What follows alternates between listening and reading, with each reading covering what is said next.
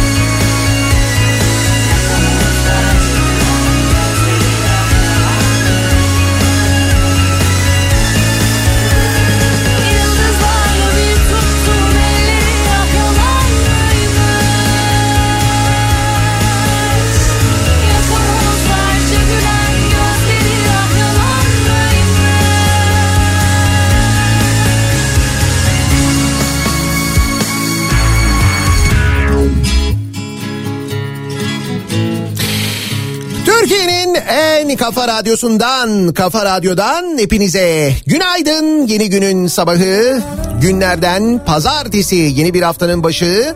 Tarih 27 Şubat aynı zamanda. Şubat ayının sonlarına doğru yaklaşırken Lodos etkisinde ve sıcaklığın an itibariyle 13 derece civarında olduğu bir İstanbul sabahından sesleniyoruz. Türkiye'nin ve dünyanın dört bir yanına meteoroloji bugün gün içinde sıcaklığın 20'li derecelere çıkabileceğini söylüyor. Şubat ayının sonundayız. Hafta ortası itibariyle yeniden bir soğuk hava dalgasının etkisine giriyoruz ama hayallerimiz gerçek olacak. Nereye kadar? Aşık oluyorum eyvah yerimde duramıyorum. hoş e, Eyvah hava soğuyor ama yağış yine az. Dolayısıyla bir kuraklık krizi de yaşıyoruz bir yandan. Eyvah kendimi tutamıyorum. Yine geceler ağır olacak. Sabaha kadar hayallerimiz gerçek Genel olarak bir yağış durumu yok. nereye kadar? Fakat haber anlamında bir yağmur var. Gelişmelerle ilgili o kadar çok bilgi var ki, o kadar çok haber var ki hafta sonu yine yaşanan bir kere bir Kızılay meselesi var ki dün patlayan gerçekten de aslında şöyle bir durum var. Ee, bu programı dinleyenler mesela senelerdir bu programı dinleyenler bu haberlere çok da yabancı değiller. Geride bıraktığımız zamanlarda daha ortada deprem falan yokken bir felaket yokken Kızılay ile ilgili yaşananları anlatıyorduk. Hatta bunları anlattığımız zaman bu haberler aslında hani ben öyle kendi kafama göre anlatmıyorum elbette. Gazeteciler araştırıyorlar, belgesiyle ortaya koyuyorlar. Ben de onları anlatıyordum. Sonra ne oluyordu? Sonra o gazeteciler mahkemeye veriliyordu. Ben o haberleri aktardığım için vatan haini oluyordum falan. Fakat gün geldi ve ortaya çıktı ki doğruymuş. Bile bile O Kızılay ile ilgili söylenenler. Bunlarla ilgili konuşacağız. Ya da. Dün futbolla ilgili hatta dün değil öncesinden başlayarak futbolla ilgili yaşananlar. Şimdi tribün e, bilenler bilirler. Yani maça gidenler bilirler. Tribünler e, halktır öyle söyleyeyim size. Tribün e, yaşamdır. bile bile yanıyorum. Eyvah Tribün hayattır. Dolayısıyla oradan gelen ses de aynı zamanda hayatın sesidir. Bu hep böyle olmuştur.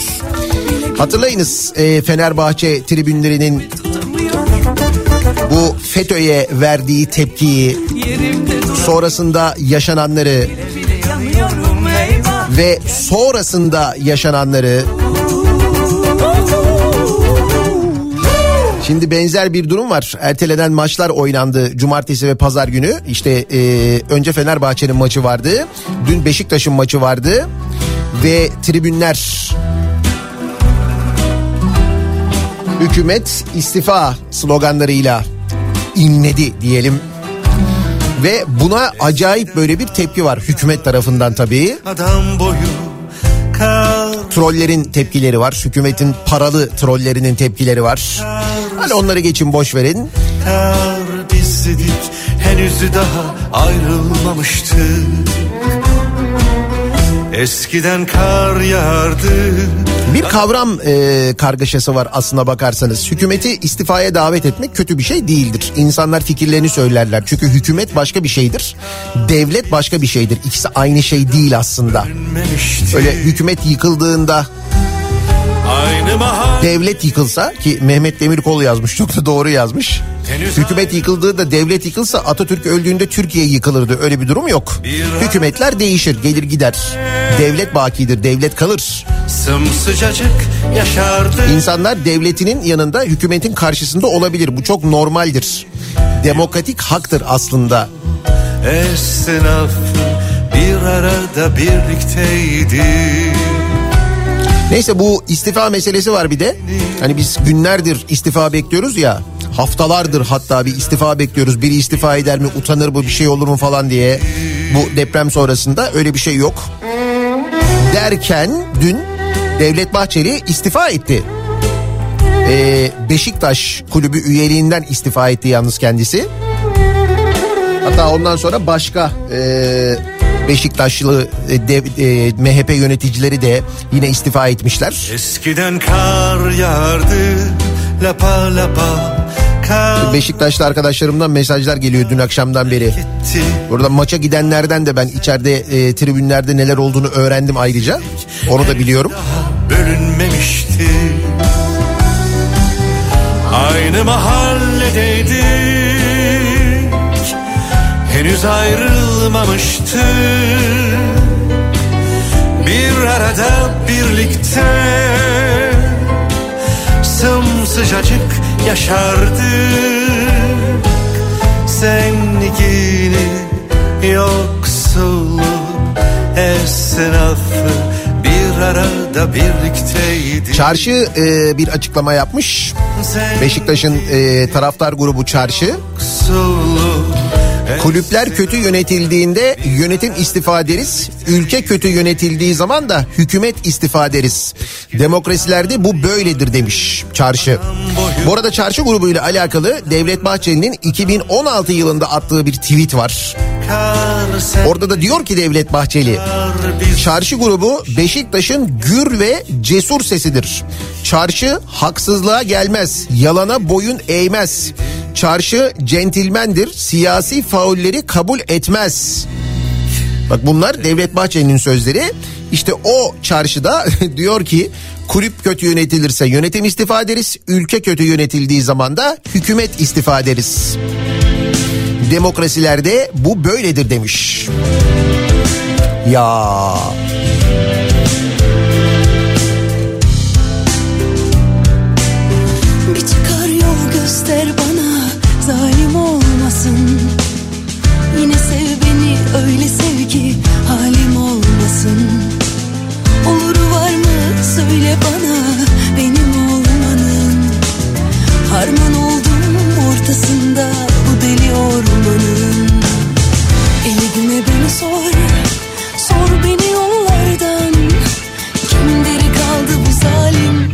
疼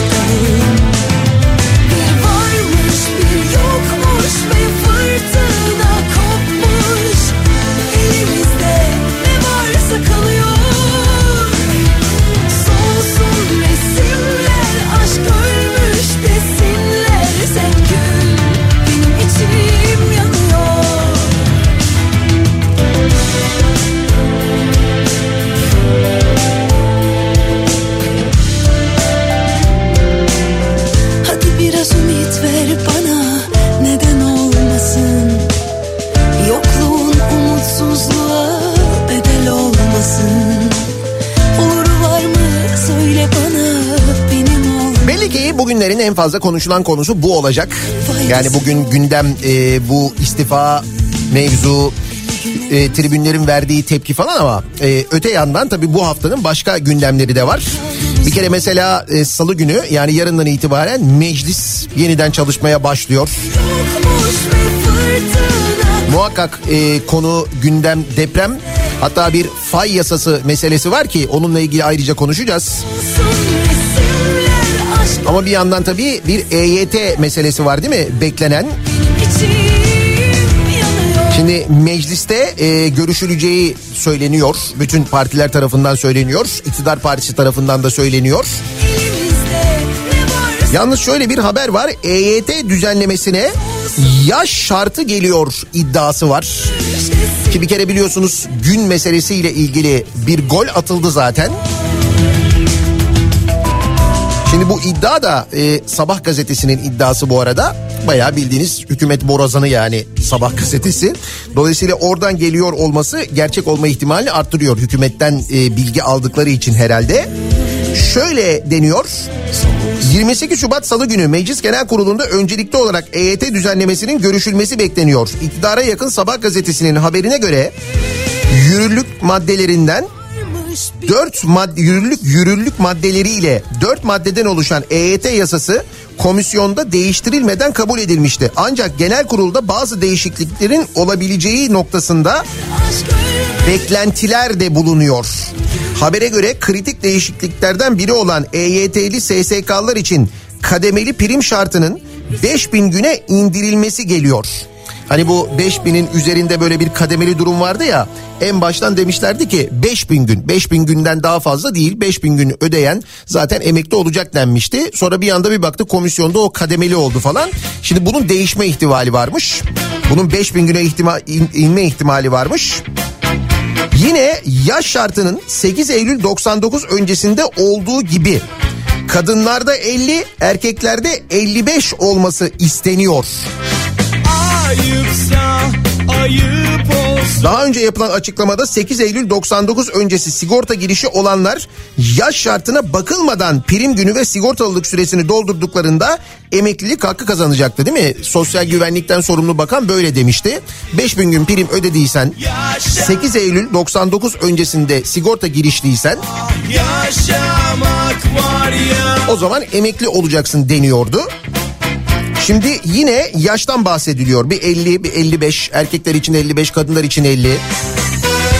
Yani yine yaşa takılanlar olacak. Öyle görünüyor.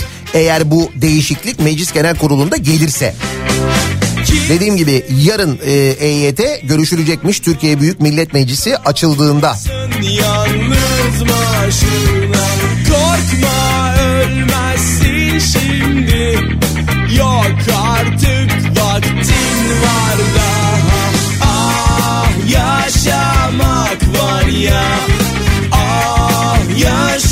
O sırada biz ne durumdayız? O sırada biz şu durumdayız. yaşa 4 kişilik bir ailenin açlık sınırı 10.259 liraya çıkmış sevgili dinleyiciler. Alım gücümüz erimeye devam ediyor. Tabii ki aklımız hep böyle depremde günlerdir sadece deprem konuşuyoruz. Ama bir yandan da işte bir hayat yaşıyoruz. Yaşamaya devam ediyoruz ve o hayat giderek daha da fazla pahalılaşıyor. Yani bir ekonomik krizin göbeğindeyiz, içindeyiz ve o kriz giderek daha vahim hale geliyor. Hani birdenbire böyle ortadan kalkmış durumda değil. Bilakis depremle birlikte daha da büyük bir kriz bizi bekliyor gibi görünüyor. Uzmanlar hep aynı şeyi söylüyorlar. Birleşik Kamu İş 2023 Şubat'a ilişkin açlık ve yoksulluk araştırmasını yayımlamış. Buna göre 4 kişilik bir ailenin mutfak alışverişini kapsayan açlık sınırı Şubat'ta bir önceki aya göre 463 lira artarak 10.259 liraya çıkmış. Bir ailenin aylık kira, ulaşım, fatura, eğitim, sağlık, giyim gibi bütün harcamalarını kapsayan yoksulluk sınırı da Şubat'ta 26.994 liraya ulaşmış. Yani bir yandan e, açlık sınırının yanında yoksulluk sınırında da ciddi bir artış var. 26.994 lira olmuş aynı zamanda yoksulluk sınırı. Yine e, 4 kişilik bir ailenin gıda dışındaki gereksinimlerini yoksulluk hissi duymadan karşılayabilmesi için gereken harcama tutarı da Şubat'ta 1106 liralık artışla 18.304 liraya yükselmiş. Yaşamak var ya Ah yaşamak var ya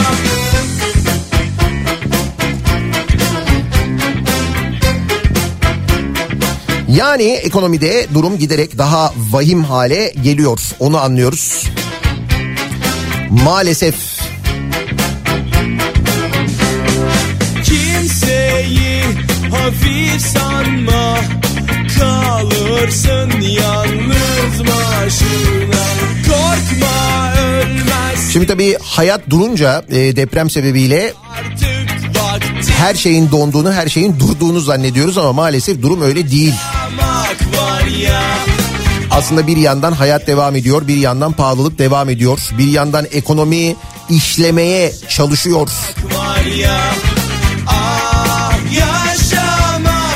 İnsanlar işlerine gidiyorlar, okullar açıldı, okullara gidiliyor. Nitekim şu anda gidilmeye çalışılıyor. An itibariyle İstanbul'daki trafiğin durumunu verelim. İstanbul'da erken başlayan çok yoğun bir pazartesi sabahı trafiği olduğunu söyleyebiliriz. Şu anda trafik %50 civarında. Anadolu Avrupa geçişinde ikinci köprü trafiği Ataşehir'e dayanmış vaziyette. Birinci köprü Uzunçayır'a kadar ulaşmış durumda. Avrasya Tüneli girişinde yoğunluk başlamış. Hatta tünel girişinden geriye doğru trafiğin Maltepe'ye kadar ulaştığını şu anda görüyoruz ki Kartal öncesinde de yoğunluk var ama Maltepe'den itibaren kesintisiz tünel girişine kadar devam eden bir yoğunluk var. Aksi yönde Kartal'ı geçtikten sonra başlayan trafik Tuzla'yı geçene kadar etkili. Tem'de çok ciddi bir yoğunluk var. Ataşehir'den itibaren başlıyor Kurtköy yönü trafiği. Çünkü Samandıra sıra Sultanbeyli yönünde meydana gelen bir kaza var. Kaza sebebiyle geriye doğru trafik Ataşehir'e kadar ulaşmış vaziyette. Avrupa yakasında Tem'de Bahçeşehir Altınşehir yoğunluğu hatta Mahmut Bey'e kadar neredeyse bu yoğunluk kesintisiz devam ediyor. Mahmut Bey sonrasında trafik hareketleniyor. Fakat köprü yönü trafiği yani Maslak trafiğinin başlangıç noktası şu anda e, otogar sapağı. Buradan itibaren başlayan bir trafik var. E, Vatan Caddesi yönü trafiği ise Esenler'le Bayrampaşa arasında son derece yoğun. E5'e baktığımızda ise Beylikdüzü'nden itibaren başlıyor trafik ve kesintisiz Sefaköy'e kadar devam ediyor. Beylikdüzü tarafında hem Beylikdüzü Büyükçekmece yönünde e, hem de Beylikdüzü yine Haramidere kavşağı yönünde iki yönde de iki tane araç arızası var. O trafiği arttırmış vaziyette. E, Sefaköy sonrasında trafik biraz hareketleniyor fakat Şirin evlerden itibaren başlayan yoğunluk sonrasında Haliç'i çıkana kadar devam ediyor. E5 trafiği de çok erken başlamış bu sabah. Sahil yolunda bir sıkıntı görünmüyor. Kimseyi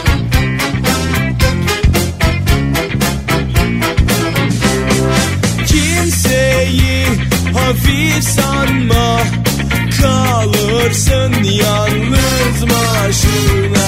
Korkma ölmezsin şimdi. Yok artık vaktin var daha. Ah yaşamak var ya. Ah yaşamak var ya. Ah Adıyaman'da 5.51'de Adıyaman'ın Gölbaşı ilçesinde 5.51'de 5 büyüklüğünde bir deprem meydana gelmiş. Artçı sarsıntılar bölgede devam ediyor. Artçı sarsıntılardan bağımsız dün mesela Niğde'de meydana gelen bir deprem vardı Boru ilçesinde. Bölge yani anlayacağınız sallanmaya devam ediyor bir yandan. Ve deprem bölgesinden gelen haberler ya da deprem gündemli haberler bir de onlara bakalım. Şimdi mesela bir kayıp tartışması var. Ee, AFAD zaman zaman e, kayıp sayısını böyle güncelliyor. Ee, şu anda depremlerde 45 bin kişinin yaşamını yitirdiği biliniyor.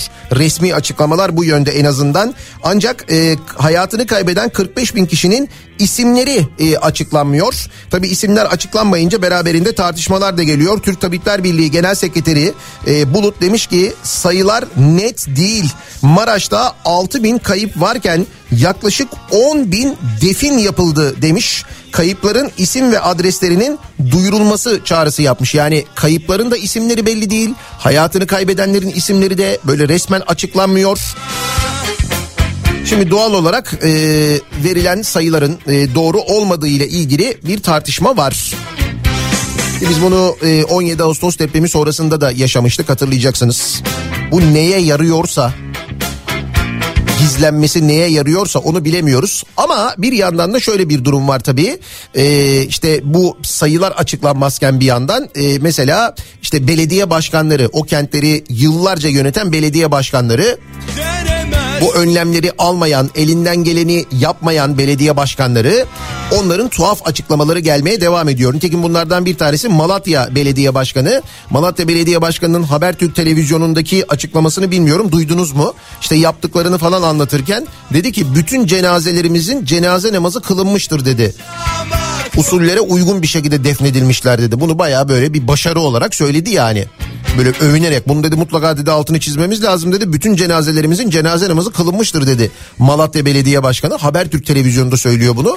Ki Habertürk'ün sunucusu Mehmet Akif Ersoy o bile dayanamadı. Yani bunu dedi bir başarı olarak görüyorsak özür diliyorum vay halimizi diyorum dedi. Arada öyle bir e, tepki göstermek durumunda kaldı. Çünkü ben dinlerken gerçekten böyle bir irkildim. Belediye başkanı bunu gayet normal büyük bir başarıymış gibi anlattı aynı zamanda. İşte böyle haberler gelmeye devam ediyor. Daha çok haber var e, deprem bölgesinden onların hepsine bakacağız. Çok kısa bir ara hemen ardından buradayız.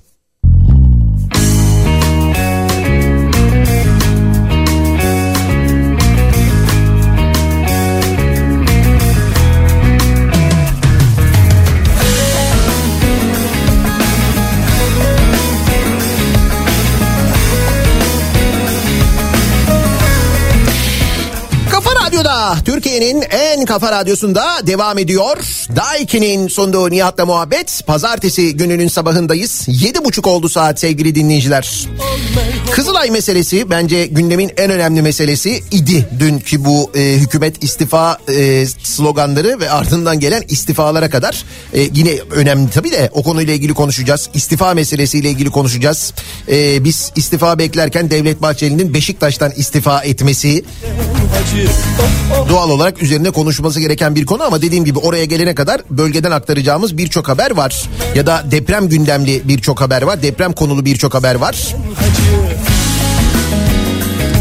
Şimdi İstanbul'da mesela bazı okullar biliyorsunuz geçtiğimiz pazartesi günü e, yeni eğitim öğretim dönemi başladığında boşaltıldı. Bu okullardaki öğrenciler başka okullara gönderildi. Gerekçe okulların depreme dayanıksız olduğuydu.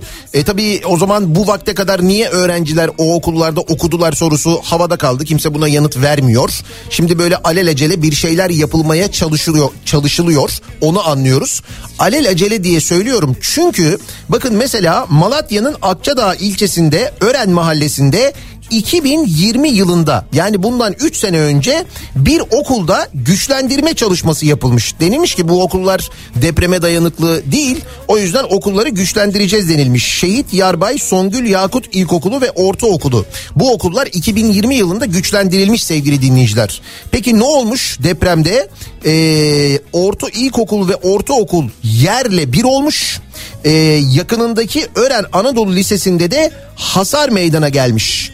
Şimdi öğrencilerin okulda olduğunu düşünün Allah korusun ama e, öyle bir şey olsaydı büyük bir facia olurdu. Kim yapmış bu güçlendirmeyi mesela? Nasıl yapılmış bu güçlendirme? Şimdi İstanbul'da da güçlendirmeler yapılacak ya.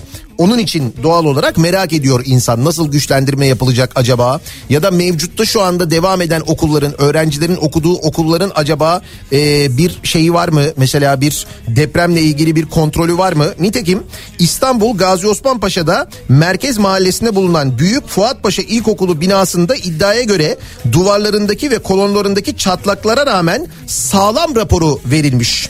60 yıllık okul önünde toplanan veliler çocuklarını derse sokmayıp eylem yapmışlar cuma günü. Mesela bakın böyle bir şey yaşanıyor İstanbul'da. Şimdi diyorum ya size gerçekten çok acayip şeyler oluyor, yaşanıyor, görüyoruz diye.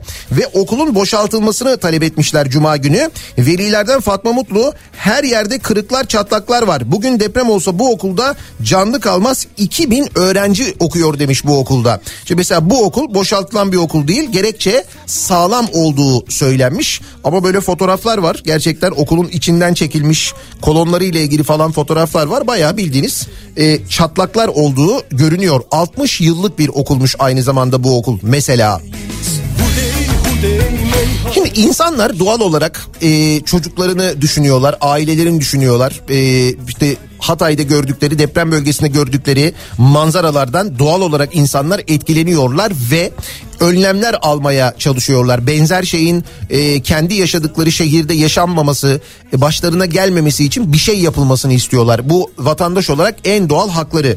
Nitekim bakınız Balıkesir'de insanlar e, belediye meclis toplantısına gidiyorlar. Şimdi o belediye meclisini, belediye meclis üyelerini halk seçiyor zaten değil mi? Yani biz oy veriyoruz, seçiyoruz. Tıpkı milletvekillerini seçtiğimiz gibi. Dolayısıyla o meclislerde buna büyük millet meclisi de dahil e, o meclislere gidip e, hak aramak, derdin varsa derdini anlatmak bizim bir kere en doğal hakkımız.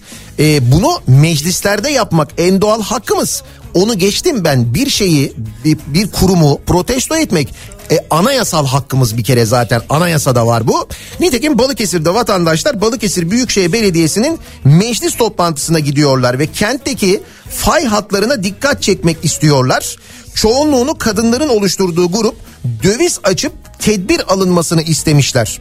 Açtıkları dövizlerde de ne yazıyor biliyor musunuz? Güvenli yaşam e, istiyorlar. E, fay hatları artık mezar olmasın yazıyor. Ovalardaki tarım arazilerinden elinizi çekin yazıyor.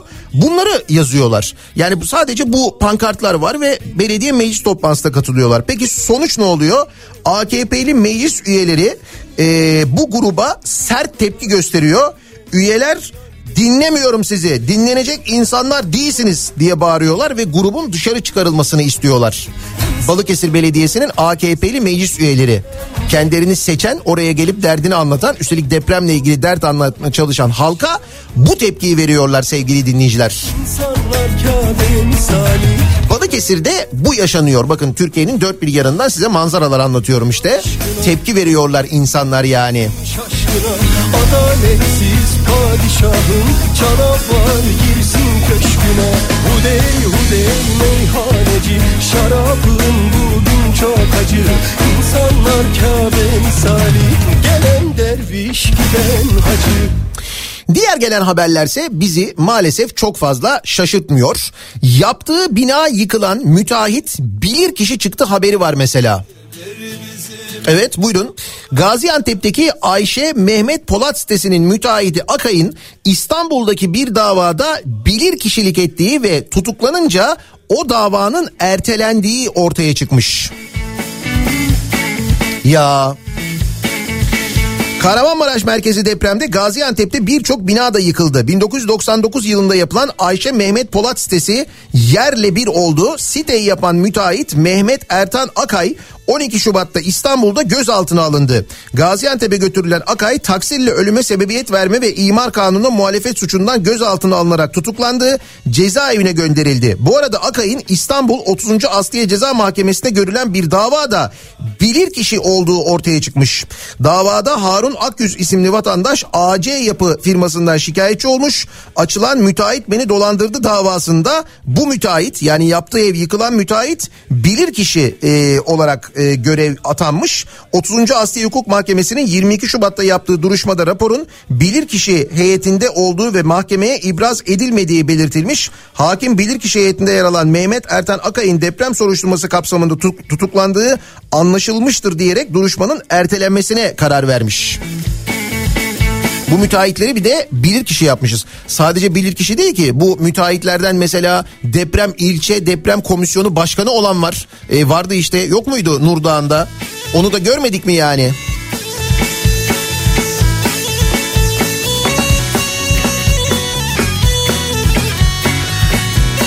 Hiç akıllanmıyoruz diyeceğiz.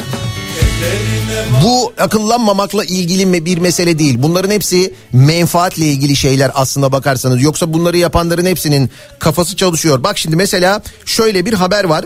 Fay üzerine yani fay hattının direkt üzerine 3 hastane, bir üniversite TOKİ konutları yapılmış. Burası neresi biliyor musunuz? Burası Konya sevgili dinleyiciler. Şimdi deniyor ya hani depremde e, en güvenli şehirler Türkiye'de nereleri falan diye. İnsanlar da böyle bu ara siz de mutlaka o sohbetlere denk gelmişsinizdir. İnsanlar eşleriyle dostlarıyla konuşurken benzer şeyler konuşuluyor. Bir Konya'nın ismi geçiyor. Bir Ankara'nın ismi geçiyor. Bir Sinop geçiyor mesela bu aralar. Çok konuşuluyor.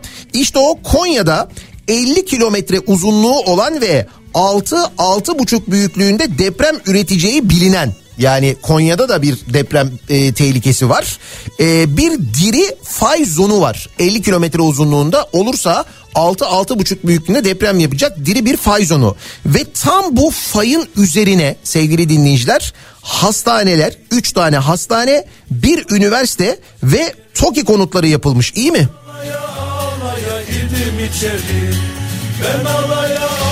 Konya Teknik Üniversitesi Jeoloji Bölüm Başkanı Profesör Fethullah Arık şunları söylemiş. Demiş ki Konya güvenli görülebilir ama deprem riski yok diyemeyiz. Olası deprem ciddi hasar oluşturabilir. Binaların sanki başka yer yokmuş gibi faya yapılması yanlışlığı ortaya koydu. Nitekim e, bu haber e, yayınlandığında da e, Konya'da 4.3'lük bir deprem olmuş hafta sonu. Konya'da da bir deprem oldu biliyorsunuz.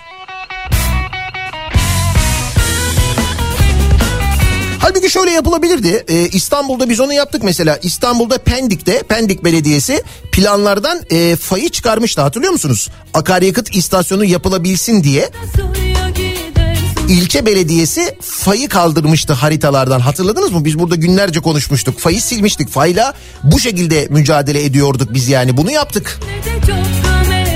Hayret Konya'da artık bunu yapmaya da ihtiyaç duymamışlar. Hani gerek görmemişler yani. Sallana sallan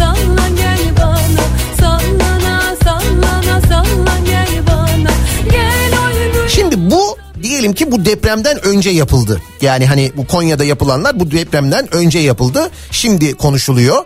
Peki depremden sonra ne yapılıyor sevgili dinleyiciler? Yani çok büyük bir deprem tarihimizin en büyük depremlerinden biri. Yani şiddet olarak ikincisi can kaybı olarak en fazla hayatın, e, hayatını kaybeden insanın olduğu depremi yaşadık gördük görüyoruz.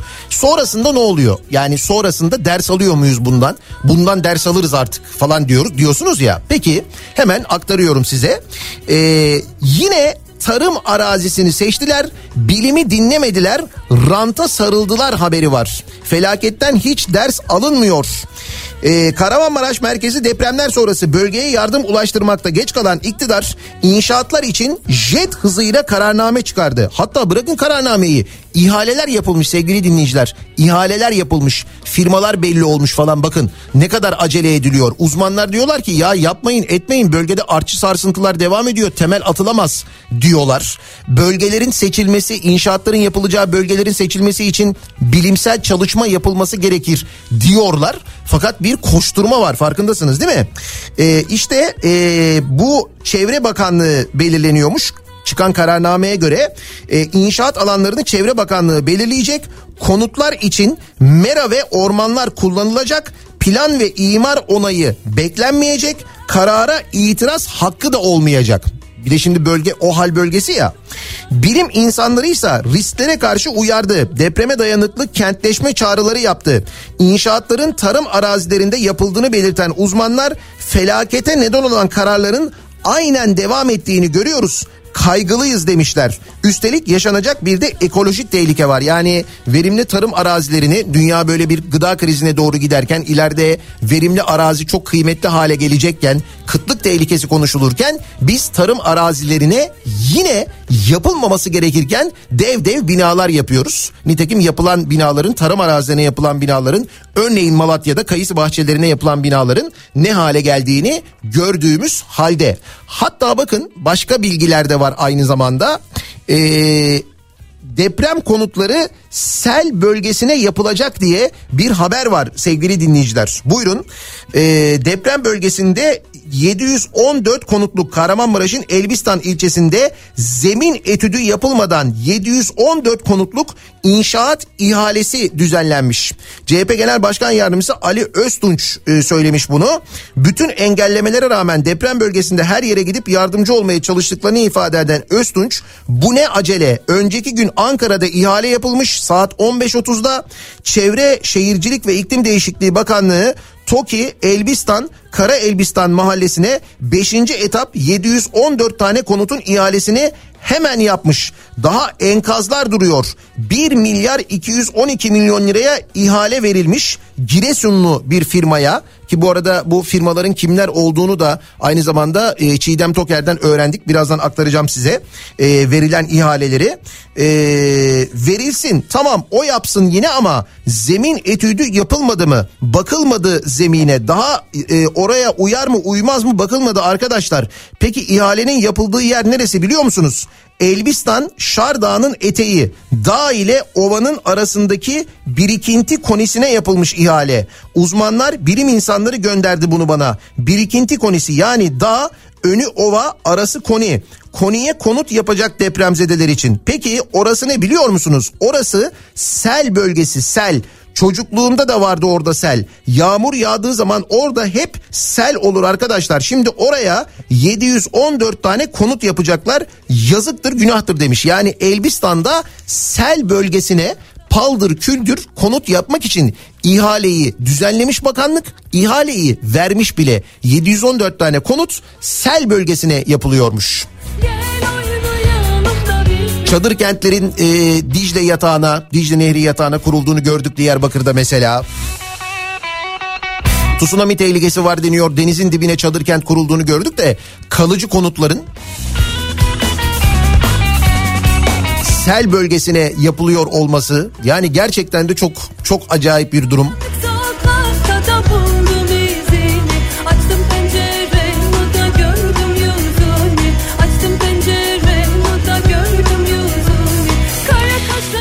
E, enkaz kaldırma çalışmaları var. Şimdi bir yandan onlar devam ediyor. E, artık hani bölgeden e, böyle haberler gelmiyor ama orada olan arkadaşlarımızdan, yakınlarımızdan, tanıdıklarımızdan haberler alıyoruz. İnsanlar enkazların başında o gördüğünüz kepçeler çalışırken binlerce kamyon gidip gelirken e, o kepçeleri gözlüyorlar. Hala yakınlarının cenazesini bulamayanlar acaba çıkar mı diye. Evet böyle bir durum var orada. Peki bu enkazla ilgili de haberler geliyor bu arada. Çünkü çok büyük devasa bir enkazdan bahsediyoruz. Gerçekten de e, deprem enkazından 12 milyar lira civarında değerli atık çıkacağını hesaplamış uzmanlar. Kamuya ait araçlarla çıkarılıp taşınan bu atığın kimlere verildiği ise bilinmiyormuş. Yani bu 12 milyar lira değerinde bir hurda parası çıkıyormuş. E, dolayısıyla enkazdan çıkan değerli atıklarda bir yağma kuşkusu ortaya çıkmış. Peki e, kime verilmiş biliyor muyuz? Bilmiyoruz. Ama bu enkaz kaldırma işi için de muhakkak bir para ödenecek. Nitekim ödeniyor. Mesela kime verilmiş enkaz kaldırma işi? E, verilen şirketlerden bir tanesi sabıkalı bir şirket diyor bölgedeki haber. Depremlerin merkez üssü Kahramanmaraş'ta enkaz kaldırma çalışmaları sürüyor. TOKİ'nin bölgede enkaz kaldırma işini tanıdık bir firma ile yürüttüğü ortaya çıkmış. Maraş'ta 200 kamyonla enkaz kaldırma işine başlayan kamyon sayısını 1200'e çıkarmayı hedefleyen şirketin Erzurum'da inşa ettiği kayak pistlerinin çökmesiyle gündeme gelen Sarı Dağlar İnşaat olduğu öğrenilmiş. Sarı Dağlar İnşaat isimli taşeron şirketin kent dışında iki döküm, döküm sahası oluşturduğu belirtilmiş. Sahalardan ilkinin %70 oranında hafriyat atıklarıyla dolduğu kısa zamanda ikinci döküm sahasına geçileceği kaydedilmiş. Enkaz kaldırma işinin 4 ay kadar süreceği e, ifade edilmiş. Türkiye'de helal turizm sertifikası alarak ilk otel olan Antalya Adenya Oteli'nde sahibi olan Ahmet Sarıdağ'ın şirketi Sarıdağlar İnşaat'a ait Bingöl ve Hakkari'deki havalimanları, Konya ve Trabzon stadyumları, Çorum'daki TOKİ konutları gibi kamuya ait pek çok işin ihalesini Sarıdağlar İnşaat kazanmış. Güzel adam mi? Yaz dostum Böyle bir müteahhitin e, genelde aynı müteahhitlerin bu kadar çok iş almasını da yıllar içinde çok konuştuk konuşuyoruz değil mi? Şimdi mesela bu işte Sarı Dağlar o Erzurum'daki atlama kulelerini yapan çöken kuleyi sonra bir daha yapan hatta o kulenin kaldırılması ihalesi işini de alan aynı zamanda. Onun için de ayrıca para ödedik onlara. Tabii öyle bir şey de oldu.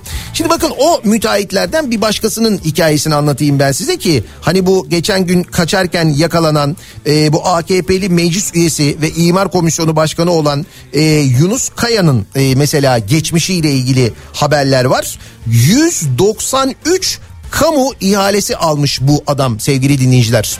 Yaptığı binalar yıkılan Nurdağ ilçesinde yüzlerce insana mezar olan yaptığı binalar AKP'li Yunus Kaya'nın kamu ihalelerindeki başarısı dikkat çekici. Nurdağ ilçe belediyesinde AKP kontenjanından meclis üyesi olarak girdiği 2019 yılından sonra kamudan 41 milyon liralık ihale aldığı ortaya çıkan Kaya'nın aldığı kamu ihalelerinin toplamının ise 56 milyon lira olduğu belirlenmiş. Bir günün ulaştığı kayıtlara göre Nurdağ Belediye Belediye Meclisi'nin AKP'li üyesi ve İmar Komisyonu Başkanı Kaya 2010-2023 döneminde 193 adet kamu ihalesi almış. İlçeye inşa ettirdiği 5 binası da çöken depremlerin ardından başlatılan soruşturma kapsamında Mersin'de yakalanan ve tutuklanan Kaya'nın en fazla ihale aldığı ilk 3 kamu idaresi Nurdağ İlçe Milli Eğitim Müdürlüğü, Nurdağ İlçe Özel İdaresi Müdürlüğü ve Gaziantep İl Sağlık Müdürlüğü olmuş. Sarı çizmeli Mehmet Ağa hesabı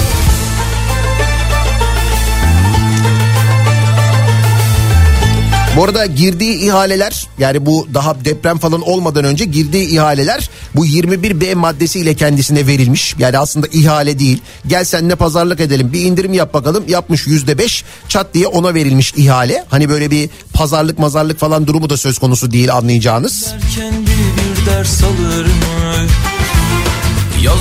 Yani hikayeler aslında bildiğimiz gibi çok da böyle değişik bir şey yok. Bu arada Nurdağ demişken Nurdağ belediye başkanı tutuklanmış. Gaziantep'in Nurdağ ilçesinde yıkılan binalara ilişkin yürütülen soruşturmalar kapsamında belediye başkanı Ökkeş Kavak gözaltına alınmış. Ee, Nurdağ'ında onlarca kişinin yaşamını yitirdiği site ve apartmanların da müteahhitliğini yapan aynı zamanda Nurdağ Belediye Meclis Üyesi ve İmar Komisyonu'nda görevli Yunus Kaya az önce bahsettiğim müteahhit Perşembe günü Mersin'de yakalandıktan sonra tutuklanmış. Yunus Kaya'nın Nurdağ Belediye Başkanı Ökkeş Kavak'ın kardeşine ait inşaat şirketiyle ortak projeler yaptığı belirlenmiş. Yani aslında belediye başkanı ile birlikte yapıyorlarmış. Nurdağ Belediye Başkanı ile birlikte. Bu arada Hatay'ın Antakya ilçesinde iki bloğu yıkılan ve 105 kişiye mezar olan Rende sitesinin sahibi Arif Sami Rende de Eskişehir'de yakalanmış. Ee, aynı zamanda Adıyaman'da depremde yıkılan binayı inşa eden şirket yetkilileri Nevzat Bozan ve Orhan Bilgiç de yine tutuklanmış. Yani gerçekten de Bakın bunları konuşuyoruz. Yıkılan binalar, hayatını kaybeden binlerce insan, yerine yapılacak binalar ve bu yerine yapılacak olan binalarla ilgili bir telaş. Farkındasınız değil mi? Demin konuşuyorduk. Yani böyle çok hızlı bir şekilde inşaatların yapılması için koştur koştur ihaleler yapılıyor. Kimsenin haberi yok olandan bitenden. Bunun için Profesör Doktor Hasan Sözbilir diyor ki fay yasası geçmeden yapılaşmaya girersek yine sıkıntı olacak diyor. Bakın yine bilim insanları uyarıyorlar. Çok mantıklı, bilime dayalı şeyler söylüyorlar. Fakat kimse yine onları dinlemiyor. Niye? Çünkü seçim geliyor. Bir an önce o inşaatlar yapılacak. Değil mi? Temel atılacak. Temel atma törenleri olacak. O törenlerden canlı yayınlar yapılacak. 58 televizyon bunları yayınlayacak. Böyle şeyler olacak. Seçim için bunlara ihtiyaç var çünkü. Peki ne diyor bilim insanları? Profesör Doktor Hasan Sözbilir. Fay yasasının meclisten geçmesi gerekiyor. Önce bunu yapacağız ve ona göre bu şehirlerimizi düzelteceğiz. Şu anda fay yasası geçmeden yapılaşmaya girersek yine sıkıntı olacak demiş. 9 Eylül Üniversitesi Deprem Araştırma ve Uygulama Merkezi Müdürü Profesör Doktor Hasan Sözbilir söylemiş. Demiş ki çok basit fayın üzerine ev yapmayacağız. Buna fay yasası deniyor Türkiye'de. Meclisten geçmesi gerekiyor. Önce bunu yapacağız. Ona göre bu şehirleri düzelteceğiz. Yine sıkıntı olur yaparsak diyor. Peki fay yasası var mı? Yani bununla ilgili bir mecliste bir çalışma var mı? Evet var sevgili dinleyiciler. Ee, CHP'li Şevkin ki kendisi CHP'nin Adana milletvekili ve yüksek jeoloji mühendisi Müzeyyen Şevkin fay yasası teklifi vermiş 2021 yılında. Peki ne olmuş biliyor musunuz? 2021 yılında bu teklif AKP ve MHP milletvekillerinin oylarıyla reddedilmiş sevgili dinleyiciler. Hani hep böyle konuşuyoruz ya AKP MHP'nin oylarıyla reddedildi reddedildi reddedildi bunlar çünkü öteki taraftan bir şey gelince otomatik kaldırıyorlar reddediyorlar. Direkt böyle hatta bazen o kadar otomatiğe bağlıyorlar ki kendi teklif ettiklerini kendileri reddediyorlar mesela onu da yaşadık onu da gördük yani. İşte bu fay yasası teklifi 2021 yılında meclise gelmiş ve AKP ve MHP'lilerin oylarıyla reddedilmiş. Şimdi bu fay yasası teklifi meclise tekrar sunulmuş depremden sonra. Şevkin demiş ki e, ki kendisinin yüksek jeoloji mühendisi olduğunu bir kez daha hatırlatıyorum. Bu bilgi bence son derece önemli bir bilim insanı kendisi yani. Bugün 24 ilimiz 500'ü aşkın köyümüz ve 100'ü aşkın ilçemiz doğrudan fay zonları üzerinde bulunuyor. Bu fay zonlarının muhakkak bilimsel olarak çalışılması paleosismik jeolojik veriler ve mikro bölgeleme çalışmaları yapılarak imar planlama bu zonların işlenmesi ve bu bölgenin kesinlikle yapı yasaklı alan olarak ilan edilmesi gerekiyor demiş. İşte şimdi bu yasayı tekrar meclise e, getirmiş. E, şimdi e, bu arada Çevre ve Şehircilik Bakanı da demiş ki işte bir fay yasası çıkaracağız demiş. Demek ki bu sefer ellerini kaldırıp direkt otomatik hayır demeyecekler. Bu fay yasasının meclisten geçmesini sağlayacaklar. Ama bakın bir daha söylüyorum. Fay yasası geçmeden bu fay zonlarının olduğu yerler yasaklı ilan edilmeden şu anda hızlı hızlı koşa koşa ihaleler düzenleniyor. Ee, şu haber var. TOKİ'den asrın ihalesi diye bir haber var. 3 günde 6 milyar liralık 8 ihaleye çıkılmış sevgili dinleyiciler. Hani nasıl oluyor bunlar böyle ihale yapılmadan falan yapılıyor diyorsunuz da yani ihale değil aslında. Firmayı çağırıyorlar sen gel diyorlar. Sonra diyorlar ki sen ne kadar indirim yapıyorsun bu kadar tamam sen yap o zaman diyorlar. Bu 21B dediğimiz madde bu işte. Ee, Kahramanmaraş, Hatay, Gaziantep, Adıyaman, Adana ve Kilis'te 3770 konut yapımı için ihaleye çıkılmış. Ee, bakın e, Çiğdem Toker yazmış bunları. Adıyaman Kahta'da yapılacak 297 konut 4 dükkanlı ticaret merkezi için 8 firma çağrılmış. E, 469 milyon lirayla Halil Koç MFK mühendislik ortağına e, verilmiş. Mühendislik ortağı almış bu e, işi.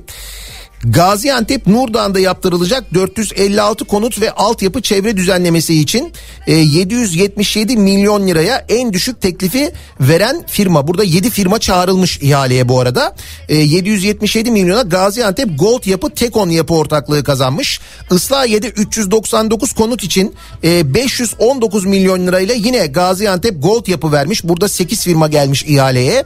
Kilis Merkez ilçede yaptırılacak 645 konut ve 4 dükkan ve bir cami için yapılan e-ihalede en düşük teklifi 1 milyar 124 milyon liraya Erzurum'da kurulu Akgün İnşaat vermiş Kilis merkezindeki işe. Adana Sarıçam'da yaptırılacak 590 adet 5 e, etap konut içinde e, en düşük teklifi 809 milyon liraya Aydın İnşaat Dizmanlar Gayrimenkul ortaklığı vermiş. Kahramanmaraş Afşin'de 501 konut. Bunun için 787 milyon liraya Okta İnşaat Aşan Mühendislik almış ihaleyi. Kahramanmaraş Pazarcık'ta da 4 etap 518 konut için 809 milyon liraya İmaj Altyapı Öztaş Petrol Ayka Global şirketleri almış. Hatay Altınözü'nde de 364 konutluk proje için 594 milyon liraya Kaizen Orman Ürünleri Hika Nakliye ortaklığı vermiş. Yani e, bu kadar hızlı, bu kadar çok firmanın gelmesi, katılması, ihalelerin böyle verilmesi, bilim insanlarının söylemelerine rağmen yani yeri bile belli olup konut inşaatına başlanması gerçekten akıl alır gibi değil. Yani hız hani böyle bir takdire şayan bir durummuş gibi görünüyor ama öyle değil aslında. Bu kadar aceleyle hele böyle bir felaketten sonra bu kadar aceleyle yapılmaması gereken bir şey aslında ama yapılıyor işte görüyoruz. Artık bence bunca laftan sonra Yalanını al da artık sus zaten konuşma İki kişilikmiş herkes bilir Ve Kızılay meselesine geliyoruz. Yani gerçekten de e, yine böyle akıl alır gibi değil ama artık aklımızın almayacağı o kadar çok şey görüyoruz ki giderek bunlar bize normalmiş gibi geliyor. Şimdi deprem oluyor. Deprem olduktan sonra hızlıca sivil toplum kuruluşları harekete geçiyorlar. İşte mesela Ahbap harekete geçiyor değil mi? Şimdi Ahbap böyle büyük de mercek altına alındığı için çalışmalarını çok yakından takip ediyoruz. Nitekim öyle çalışıyor ve öyle organize olmuş ki Ahbap devletin organize olması gereken kurumu, kurumu AFAD'ın da önüne geçiyor. İster istemez önüne geçiyor. Onlar bunu isteyerek yapmıyorlar. Zaten yaptıkları çalışmalarla çok daha hızlı hareket ediyorlar. Gönüllüleri var, hızlı hareket ediyorlar falan. İşte o sırada e, çadır ihtiyacı oluyor. Bölgenin çadır ihtiyacı olduğunu biliyor Ahbap ve çadır almaları lazım. Şimdi insanlar bağış yapıyorlar, Ahbap'a gönderiyorlar. Ahbap'ın kasasında bir para var, çadır alacaklar. Nereden alalım, nereden alalım? E, Kızılay'da çadır var. Kızılay çadır satıyor. Bakın depremden sonra oluyor bunlar. Ve Kızılay'dan 46 milyon liraya çadır alıyor Ahbap ve bu çadırları deprem bölgesine götürüyor ve orada e, AFAD'ın gösterdiği yerlere bu çadırları kuruyor. Bakın şimdi burada buradaki hikaye şu aslında yani önemli olan bölüm şu. Kızılay'ın elinde çadır var. Kızılay'ın bir çadır e, diye, Kızılay Çadır diye bir şirketi var. İşi çadır üretmek yani. Çadır üretiyor, stok yapıyor. E, zaman zaman firmalar istiyor. Bu firmalara da çadır üretiyorlar, satıyorlar aynı zamanda. Yani normal zamanlarda. Ama Kızılay biliyorsunuz bir e, hani ticari bir kurum değil Kızılay.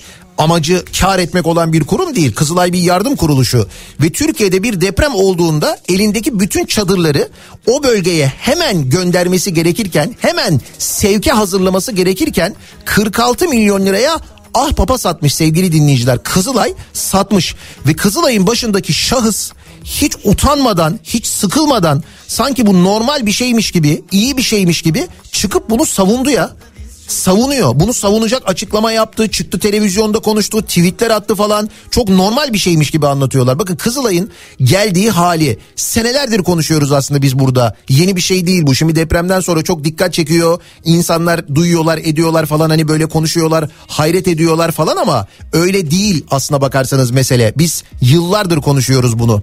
Şimdi bakın e, bu haber bu arada Cumhuriyet Gazetesi yazarı Murat Ağırel'in haberi. Murat Ağırel e, Kızılay hakkındaki skandal skandal gerçeği açıkladığı bir haber kaleme almış. On binlerce yurttaşın ölümüne neden olan depremin ardından bölgede bir türlü bulunamayan kızın binlerce insan molozlar altında can çekiştiği sırada elindeki çadır stoklarını satmakla meşgul olduğu ortaya çıkmış. Cumhurbaşkanı Erdoğan'ın Kızılay'a yönelik eleştirilere sert bir şekilde cevap verdiğini de hatırlıyorsunuz herhalde değil mi? Ancak e, gerçek öfkeyle örtülemiyor diyor Murat Ağırel. Türk toplumunun hafızasında ve tarihinde Kızılay kişilerden bağımsız çok önemli bir yer kaplar. Her afet durumunda gözler ilk Kızılay'ı arar. Yaşanan son deprem felaketinde de gözler Kızılay'ı aradı ama ne mümkün. Ama nerede Kızılay diye sorduğun zaman da hakareti küfürü yapıştırdılar direkt biliyorsunuz. İşte depremin ilk saatlerinde İstanbul'dan Antep, Nurdağ ve Kahramanmaraş'a giden biri olarak diğer kurumlar gibi Kızılay'da ne yazık ki yoktu diyor Murat Ağırel. Peki her felakette yardım için mesaj atan ve yurttaşlardan yardım isteyen Kızılay ve çadırları neden ortada yoktu? Yanıt vereyim çünkü ahbaba çadır satmakla meşguldüler. Biliyorsunuz yardım kuruluşu hüviyetinden sıyrılıp holding olan Kızılay'ın evet Kızılay'ı holding yaptılar. Çadır ve konteyner üretim tesisleri var. Bunu araştırırken bazı bilgiler öğrendim. İddiaya göre Kızılay depremin 3. günü Ahbap'a 46 milyon lira tutarında çadır satışı gerçekleştirmiş. Ayrıca elindeki stokları ve gönderilecek yardımları da cemaat tarikat, vakıf ve derneklerine yönlendirdiği ileri sürülmüş. Olamaz dedim. İnsanlar canıyla uğraşırken sırf bugünler için yardım ettiğimiz kurum ticaret yapmamıştır. Böylesi bir zamanda elindeki stoğu başkalarına kullandırmamıştır dedim. Kızılay yetkililerini aradım ve şu soruları sordum. Murat Ağırel aktarıyor. Kızılay 6 Şubat tarihinde ne kadar çadıra sahipti? Kaç çadır dağıttı? Ahbap adlı kuruluşa çadır sattı mı? Satış miktarı kaç adet ve tutar nedir? Başka kurumlara çadır satışı gerçekleşti mi? Kızılay hangi vakıf ve derneklere erzak yardımı yaptı? Miktarı ne kadardır? Kızılay çadır fabrikasında ve konteyner fabrikasında kaç adet stok vardı? Bu stoklar nereye dağıtıldı? Bu soruları Kızılay'a Murat Ağırel soruyor. Gelen cevapta Ahbap iddiası ile ilgili şu kısım dikkatimi çekti. Ahbap Derneği de bağışçılarından temin ettiği kaynakla bölgede yaşanan barınma ihtiyacına destek olmaya karar vermiş. Bu noktada Kızılay'dan temin ettiği çadır kapasitesini AFAD'ın göstermiş olduğu noktalara sevk etmiştir. Kızılay bu süreci afetzedelerin barınma ihtiyacının bir an önce çözülmesi açısından değerlendirmiştir. Çadır üretiminin devamını sağlamak için de ham madde bedelini kabul etmiştir. Sonra böyle tamamı var açıklamanın çok uzun bir açıklama. Özetle diyor duyduklarım doğruymuş. Özetle stokta 40 bin çadır varmış. Sağdan soldan 14 bin çadır daha gelmiş. Toplam 54 bin çadırı AFAD'a vermiş. Ancak üretim tesisinden de Ahbap'a 46 milyon liralık çadır satışı gerçekleştirilmiş. Vakıf ve dernek görünümündeki bütün kuruluşlara da elindeki stoğu kullandırmış. Bu yardım kuruluşları bütün ihtiyacı Kızılay'dan AFAD'dan alıyor. Duyarlı halktan da yardım e, yapıyoruz diyerek para topluyorlar. Bakın bu diğer vakıflar. Denetleyecek kurum var mı? Ben hiç sanmıyorum. Deprem bölgesinde halen çadır eksikliği var ve yaşanan durumda bu diyor Murat Ağırel. Şimdi Murat Ağırel'in bu haberinden sonra doğal olarak önce Ahbap bir açıklama yaptı. Ahbap dedi ki evet yani biz e, üç, şey, Haluk Levent açıklama yaptı hatta biz o sırada e, insanlar e, soğuktaydı depremden dolayı dışarıdaydı çadır bulmamız gerekiyordu. Çadır olduğunu Kızılay'dan öğrendik. Dediler ki şu kadar fiyatı biz hiç düşünmeden aldık diyor. Can havliyle yapılan bir şey bu. Dolayısıyla burada ahbabın yaptığı yanlış bir yok. Ne diyecekti ahbap? Parayla almam ben sen Kızılay'sın ver bana diyecek hali yoktu. Kaldı ki Kızılay'ın burada zaten bir dakika kardeşim ben Kızılay'ım. Zaten elimdeki bütün çadır stoğunu ben şu anda oraya yönlendiriyorum demeliyken e, Kızılay diyor ki evet bende çadır var satayım sana 46 milyon diyor. Ve 46 milyon liraya satıyor bu çadırları ya. Kızılay çadırları Ahbap'a satıyor. Ahbap çadırları götürüyor AFAD'a soruyor. Çünkü diyorlar ki AFAD'sız asla iş yapamazsın deniyor. Bu arada AFAD sadece bunu yapıyor. E, AFAD diyor ki şuraya kur diyor. Haluk Levent de oraya kuruyor. Mevzu bu yani aslına bakarsanız ve 46 milyon lira para alınıyor. Peki sadece bu mu? Hayır. Kızılay deprem bölgesine koşan eczacılara da çadır satmış sevgili dinleyiciler. Bakın Eczacılar Birliği, Türk Eczacılar Birliği hemen organize olmuş. Deprem sonrası bölgede ilaç ihtiyacı var olacak belli. Organize olmuşlar. Gönüllü olarak bölgeye gitmişler. İlaç toplamışlar kamyon kamyon onları götürüyorlar ve onları dağıtacakları eczane kurmaları lazım oraya. Ne lazım? Yine çadır lazım. Peki ne olmuş? Kızılay'dan çadır istemişler. Kızılay demiş ki 140 bin lira demiş tanesi. Ve çadır satmış gerçekten de. Eee... Sözcü.com.tr'ye konuşan Türkiye Eczacılar Birliği Başkanı Arman Üney tanesi yaklaşık 140 bin lira fiyatla 76 metrekare büyüklüğünde 5 adet çadırı Kızılay'dan satın aldıklarını söylemiş. Bu alımla ilgili ödemeyi Kızılay'ın bir iştiraki olan Kızılay Çadır ve Tekstil AŞ'ye yaptıklarını da e, belirtmiş aynı zamanda. Buyurun. Eczacılara da çadırı satmış Kızılay. Ve bakın bir daha söylüyorum. Bütün bu olanlara rağmen Kızılay'ın genel müdürü e, neydi Kerem Kınık mıydı? E, bunu savunuyor. E, bunun normal olduğunu söylüyor ki bu adam hat- hatırlayınız Ensar Vakfı'na yapılan bağışı Kızılay üzerinden Amerika'ya göndermişlerdi. Gökdelen yapılmıştı orada hatırlıyorsunuz değil mi? Bunun vergiden kaçmak değil vergiden kaçınmak olduğunu bunun normal olduğunu Kızılay'ın buna aracılık yapmasının gayet normal olduğunu falan söylemişti. Hatırlıyorsunuz değil mi? Bunu da e, yaşamıştık Kızılay'da. O adam hala orada duruyor ve bakın deprem anında onun yönettiği Kızılay bunu yapıyor. Sadece bu değil tabii daha birçok şey var ama yani bu çıktı ortaya. Şimdi doğal olarak bu böyle bir rezalet ortaya çıkınca şey bekliyorsunuz değil mi? Bir istifa falan bekliyorsunuz. Hani şu vakte kadar Kızılay e, işte başkanının istifa etmesini falan bekliyorsunuz. İstifayı bırak. Aksine dediğim gibi böyle kızıyor, şey yap sinirleniyor, bu diyor normal diyor, milleti engelliyor, eleştirenleri falan böyle şeyler yapıyor Kızılay'ın başkanı. Şimdi istifa aslına bakarsanız depremin olduğu günden beri herkeste bir beklenti haline gelmiş vaziyette. Öyle ki yani toplumda öyle bir beklenti var ki e, hafta sonu oynanan maçlarda işte Fenerbahçe'nin maçında Beşiktaş'ın maçında tribünler hükümet istifa sloganları attılar. Şimdi tribün e, başta da söylediğim gibi toplumdur aslına bakarsanız. Yani her kesimini temsil eder. Bir bölümü çok fanatiktir, bir bölümü çok sessizdir, bir bölümü eleştirir, bir bölümü susar, bir bölümü çok mantıklıdır, bir bölümü çok mantıksızdır. Tribün dediğin toplumun karşılığıdır. Aslında toplumun her kesiminden insan orada olur ve o topluluk eğer böyle bir tepki veriyorsa gerçekten toplumda böyle bir beklenti oluşmuş demektir. Fakat hükümet istifa demek sanki yasa dışı bir şeymiş gibi, sanki bizim eleştirel hakkımız anayasada yokmuş gibi bir anda olay büyüdü biliyorsunuz. Ee, Devlet Bahçeli özellikle çok kızdı buna.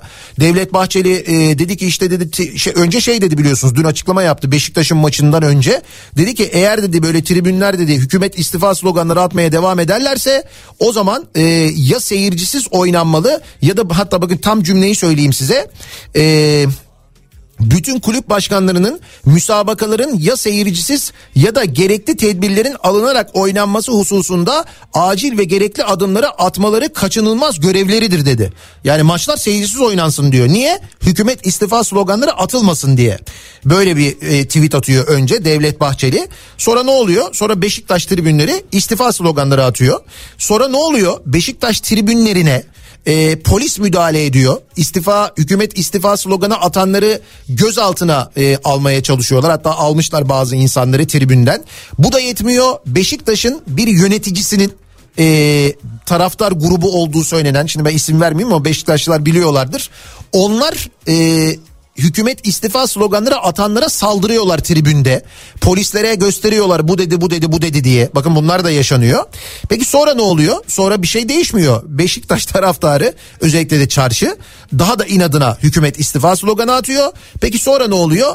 MHP lideri e, Beşiktaş üyeliğinden istifa ediyor. Biz istifayı Kızılay'dan bekliyoruz, başka kurumlardan bekliyoruz. Fakat günlerdir oralardan gelmeyen istifa Bahçeli'den geliyor. Bahçeli Beşiktaş üyeliğinden hükümet istifa sloganları dolayısıyla e, istifa ettiğini söylüyor sevgili dinleyiciler. Resmen e, böyle oluyor. Hatta sonrasında başka MHP'liler de yine istifa ediyorlar e, Beşiktaş üyeliğinden. Dediğim gibi aslında istifa başka yerlerde beklenirken bakıyoruz.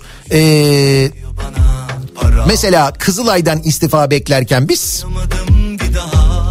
MHP lideri Devlet Bahçeli Beşiktaş üyeliğinden istifa ediyor. Ben sosyal medyadaki tepkilere baktım. Ee, böyle Beşiktaşlı arkadaşlarımı da aradım. Yani hani acaba üzüldüler mi falan diye Devlet Bahçeli'nin e, istifa etmesinden dolayı böyle bir e, üzüntü oldu mu falan diye. Aksine böyle bayağı işte bana darısı başınıza falan şeklinde temennilerle telefonları genelde kapattılar. Sosyal medyada da aslında benzer bir tepki vardı. Ama e, bu istifa ediyorum e, istifa ediyorum açıklamasının sadece Beşiktaş üyeliğinden gelmesi dolayısıyla biz de bu konuyu bu sabah konuşalım gündeme getirelim istiyorum. Ben o nedenle bu sabahın konusunun başlığını istifa ediyorum yapalım. Madem beklediklerimiz istifa etmiyor sizin istifa ediyorum dediğiniz bir durum bir vasıf bir görev falan var mı acaba diye dinleyicilerimize bir soralım madem öyle. Bu sabahın konusunun başlığı istifa ediyorum olsun. Bakarsanız bu böyle bir yayılır.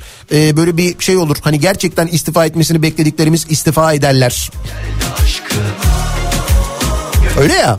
İstifa ediyorum olsun bu sabahın konusunun başlığı. Sosyal medya üzerinden yazıp gönderebilirsiniz mesajlarınızı. Twitter'da böyle bir konu başlığımız, bir tabelamız, bir hashtagimiz var. Arzu ederseniz Twitter üzerinden yazabilirsiniz. İsterseniz WhatsApp hattımız var 0532 172 52 32 0532 172 kafa. Buradan da yazıp gönderebilirsiniz aynı zamanda mesajlarınızı sevgili dinleyiciler. Bakalım sizin istifa ediyorum dediğiniz neler var acaba?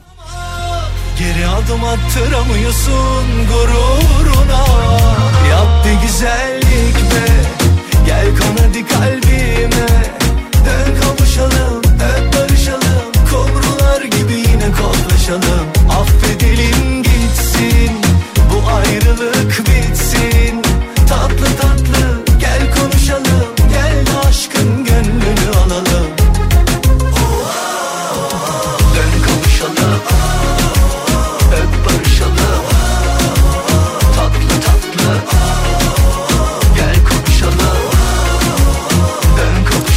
Beşiktaşlılardan çok yoğun mesajlar geliyor.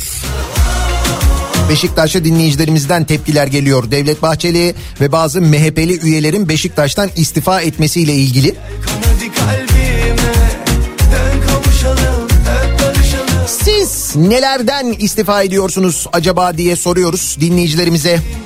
Bu ayrılık bitsin Tatlı tatlı Hayır, madem onlar istifa etmiyorlar belki örnek olur belki ibret olur diye soruyoruz özellikle. Çok kısa bir ara verelim hemen ardından yeniden buradayız.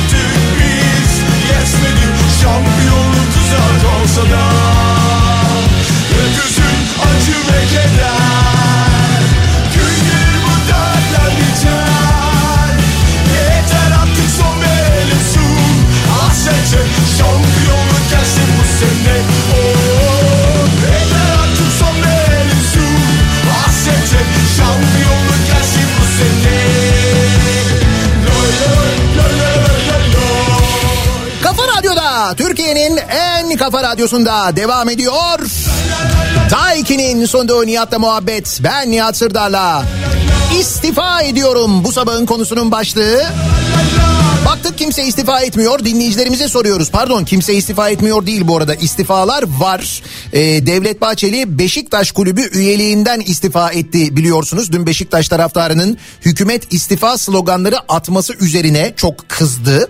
Ve e, istifa etti kendisi. Hatta sadece o da değil. Bakınız e, MHP'li yöneticiler Semih Yalçın e, ondan sonra MHP'li milletvekilleri bunlar. Semih Yalçın, Abdurrahman Başkan, Sermet Atay, Celal Adan, Sadir Durmaz, İsmet Büyük Ataman gibi isimler de Beşiktaş Kulübü üyeliğinden istifa etmişler sevgili dinleyiciler.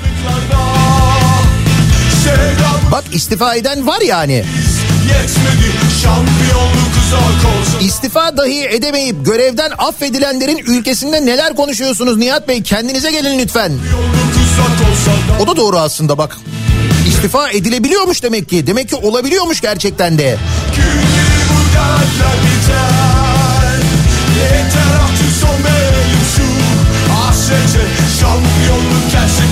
bu arada Fenerbahçe ve Beşiktaş'ın Beşiktaş taraftarlarının gurur veren hareketlerinden sonra Alanya Spor, Kayseri Spor ve Konya Spor hükümeti olan sadakatlerini açıklamışlar. Ha bir de bu var tabii. O Devlet Bahçeli'nin yaptığı çağrı var ya. Hani işte maçlar seyircisiz oynansın, kulüp yönetici yönetimleri hemen falan böyle toparlansın diye. Sen olacağına bak şimdi önümüzdeki hafta maçlar seyircisiz oynanır mı sizce? Yapılır mı böyle bir şey? O hal falan da var hazır. Bunca yıl gözden uzakta Issızlarda karanlıklarda Sevdamızı büyüttük biz Yetmedi şampiyonluk uzak olsa da oh,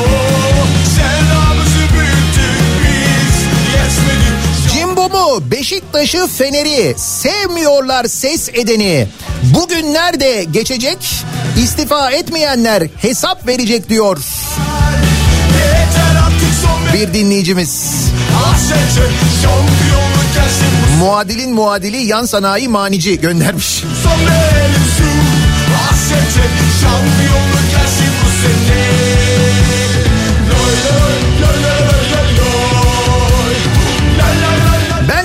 vatandaşlıktan istifa edeceğim ama 39 yaşındayım. Payıma düşen milli gelir ve yıpranma payımı alabiliyor muyum diye sormuş bir dinleyicimiz. Bu yıpranma payını ne kadar alacağını insanların göreceğiz. Yarın Türkiye Büyük Millet Meclisi toplanıyor. EYT görüşülecek biliyorsunuz. Bakalım EYT'de neler değişecek.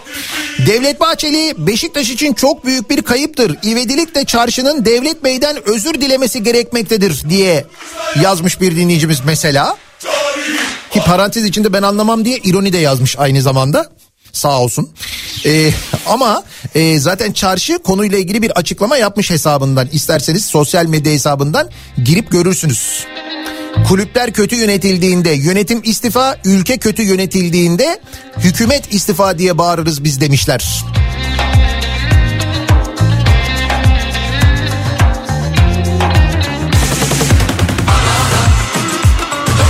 Kaynak olmaktan istifa ediyorum. Daha doğrusu etmek istiyorum demiş bir dinleyicimiz. İstifa etmeyeceğiniz gibi çok yakın zamanda yeni bir takım görevler de e, verileceğini tahmin ediyorum ben. Onu söyleyeyim size. Belki seçimlerden önce olmaz.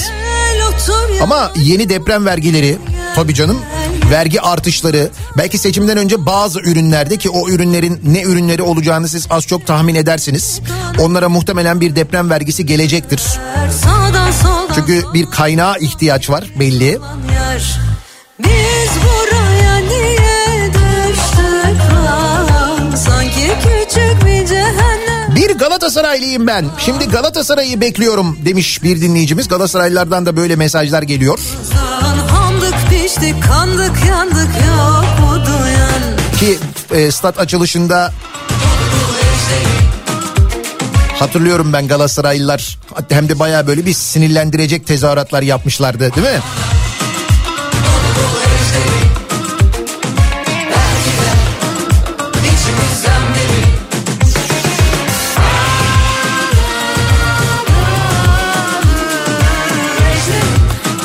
İnsansa ben insanlığımdan istifa ediyorum diyor. Kadir göndermiş.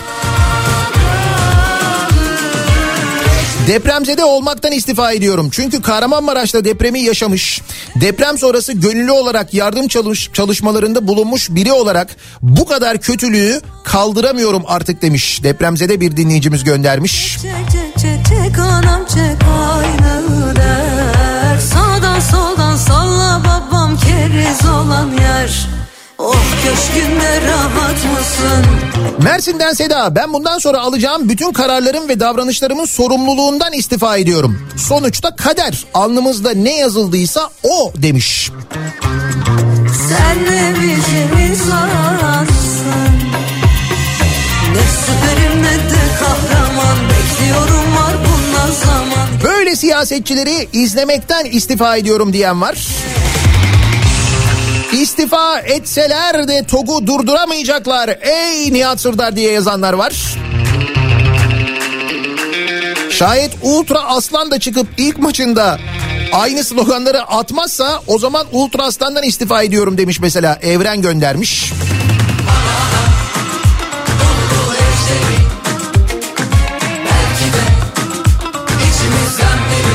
An itibariyle ben de Kayseri Spor, Konya Spor ve Alanya Spor üyeliğimden istifa ediyorum. Kamuoyuna saygılarımla diye yazmış bir dinleyicimiz.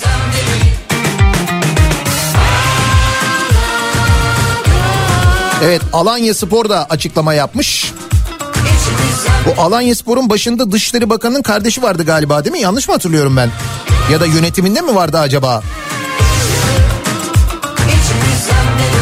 Bunu da yapmamışlardır artık söyleminden istifa ediyorum. Artık şaşırma refleksim kalmadı diyor Hande göndermiş.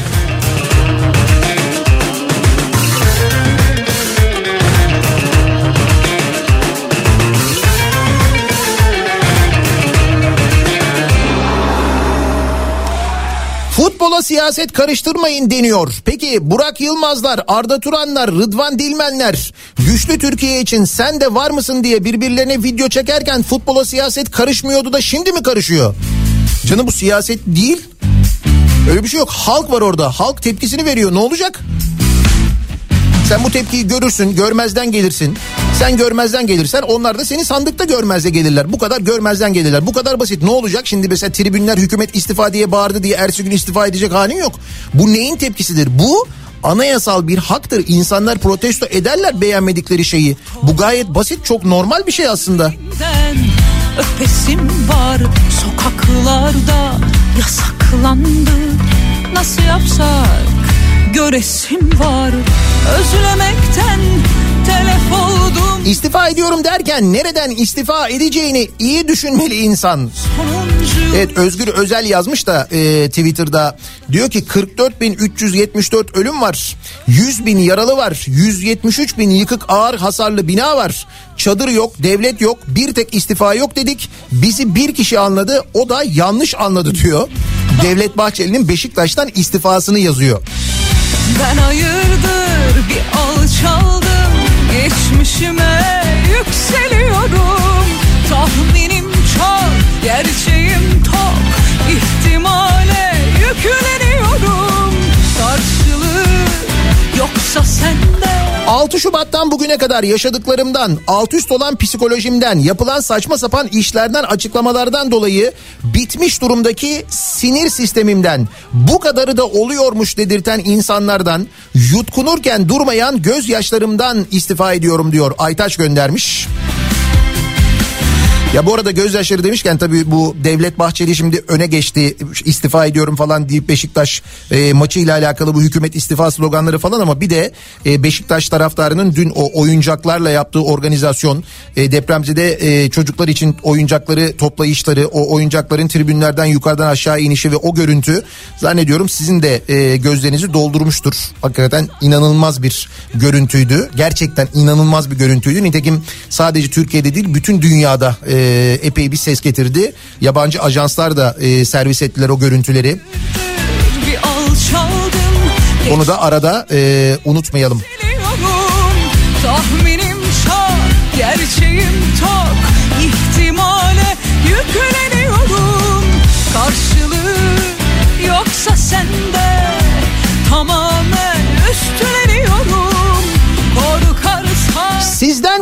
sizin gibi olsun korkaklıktan istifa ediyorum diyor Taylan göndermiş. 11 maaş alamadığım işimden istifa ediyorum diyor bir dinleyicimiz. Öyle bir maaş beklentiniz varsa hemen bakalım. Eğer Kızılay'da uygun bir kadro varsa size yapabiliriz değil mi?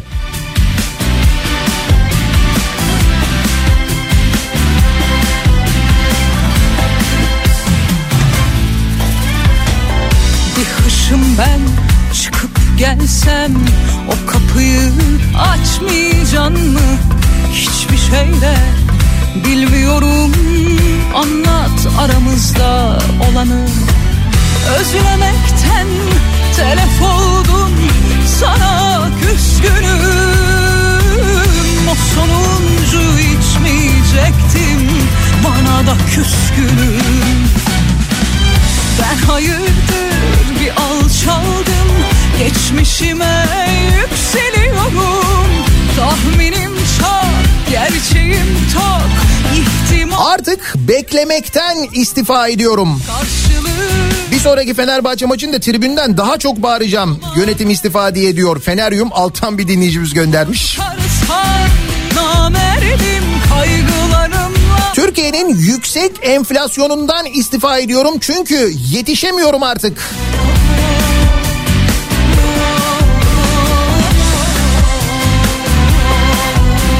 Nihat abi babam iktidarı destekliyor. Ee, tam böyle körü körüne bağlananlardan ben de ısrarla her sabah seni dinletiyorum. Şimdi dükkanda bağırarak Nihat istifa etsin diye geziyor. Biz değil sen istifa ediyorsun diyor. Gelsem o kapıyı açmayacaksın mı? Hiçbir şeyle bilmiyorum. Anlat aramızda olanı. Özlemekten telef oldum. Sana küskünüm. O sonuncu içmeyecektim. Bana da küskünüm. Ben hayırdır bir alçaldım Geçmişime yükseliyorum.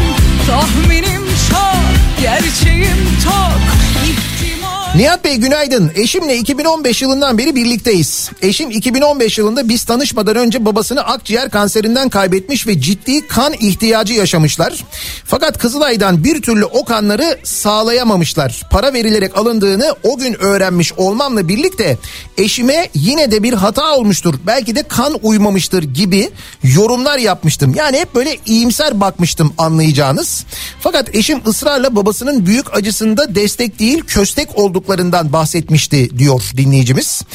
Kızılay'ın ahbaba çadır sattığı sattığı haberlerini görünce belki çadırlar şehre uymamıştır. O yüzden göndermemişlerdir ne dersin dedi.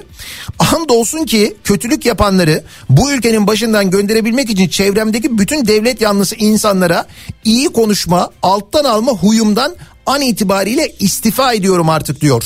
Gelsem kapıyı Hani bir de böyle iyi tarafından bakıyoruz acaba falan diye ama burada bakılacak bir tarafı yok artık yani. Anlat aramızda olanı Özlemekten telef oldum Sana küskünüm O sonuncu içmeyecektim Bana da küskünüm hayırdır? Bir alçaldım. Geçmişime yükseliyorum. Tahminim çok, gerçeğim tok. İhtimale yükleniyorum. Karşılığı yoksa sende Tamamen üstleniyorum.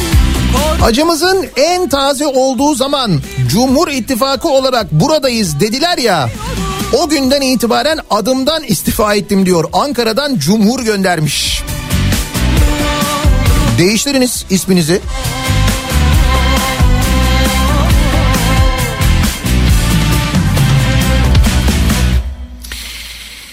Ee, beyaz Türk oldum 30 yaşımda adamlar sayesinde. Gayet de halkım ben demiş mesela bir dinleyicimiz. Tabii bu sloganları atanlara bir de öyle dediler. Sloganları atanlar için bunlar beyaz Türkler, beyaz Türklerin sloganları falan dediler değil mi?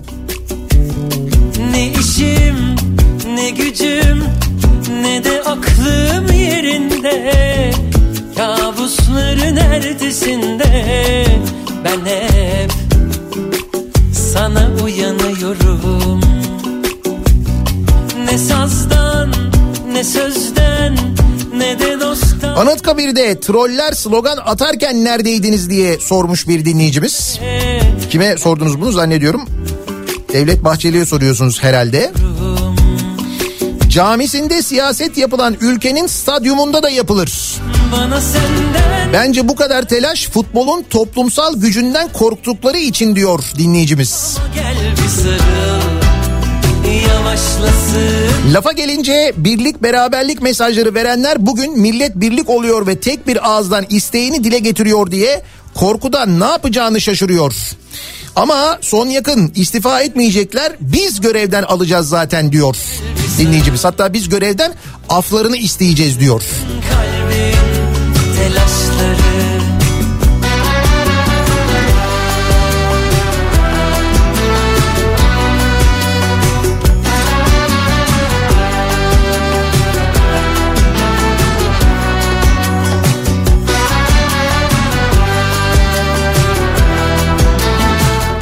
Spor'la yapılacak hazırlık maçının iptalini istiyorum. İstifa etmek en temel anayasal haktır diyor. Doktor Bülent göndermiş. Alanya Spor'la hazırlık maçı kim yapıyor? Galatasaray mı yapıyor? Ne de yalnız bir kuştun Özlemlerin karesinde Ben hep sana bölünüyorum Miras bana senden istemem iltimas Ama gel bir sarıl. Yavaşlasın kalbin telaşları. Miras bana senden İstifa ediyorum mesajları gelmeye devam ediyor. Bir yandan aynı zamanda malum Devlet Bahçeli'nin Beşiktaş'tan istifa etmesi. Ee, bugün mesela e, gazete pencerenin birinci sayfasında da var. Statta hükümet istifa çığlığı Bahçeli'yi Beşiktaş'tan istifa ettirdi diye vermiş haberi e, gazete pencere birinci sayfasından. Fenerbahçe maçındaki hükümet istifa protestoları Beşiktaş'ın dünkü maçında da devam etti. Stat maç başlamadan hemen önce hükümet istifa sloganıyla inledi. Fenerbahçe maçındaki protestoya tepki gösteren Cumhur İttifakı ortağı MHP lideri Devlet Bahçeli Beşiktaş maçına da dikkat çekerek tribünden istifa sloganlarının atılması sorumsuzluk ve şuursuzluktur dedi. Bahçeli maçların seyircisiz oynanmasını bile önerdi. Evet maçlar seyircisiz oynansın dedi. Ardından e, Beşiktaş üyeliğinden istifa ettiğini duyurdu. Ardından MHP'nin Beşiktaş üyesi yöneticileri de istifa etmeye başladı. Hemen ardından onlar da e, istifa etmeye başladılar. Ayşe teyze çadır beklerken Kızılay müşteri aramış haberi e, gazete pencerede var. Kaçıncı keredir sözün bittiği yerdeyiz. Bitmiyor saymakla. Türkiye'yi derinden sarsan deprem afetinden sonra Kızılay afeti yaşıyoruz. Cumhuriyet gazetesi yazarı gazeteci Murat Ağırel depremlerin 3. gününde daha enkaz altında insanlar varken kurtulan depremzedeler sokaklarda sabahlayıp gece soğuktan donarken Kızılay'ın Ahbap Derneği'ne tanesi 22.440 liradan 2050 tane çadır sattığını ortaya çıkarmış.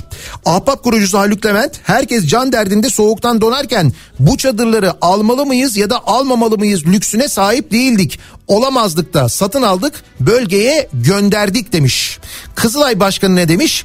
İşbirliği demiş ve satışı savunmuş. Bunun demiş normal olduğunu söylemiş. Kızılay'ın geldiği hale bak. Ah ah.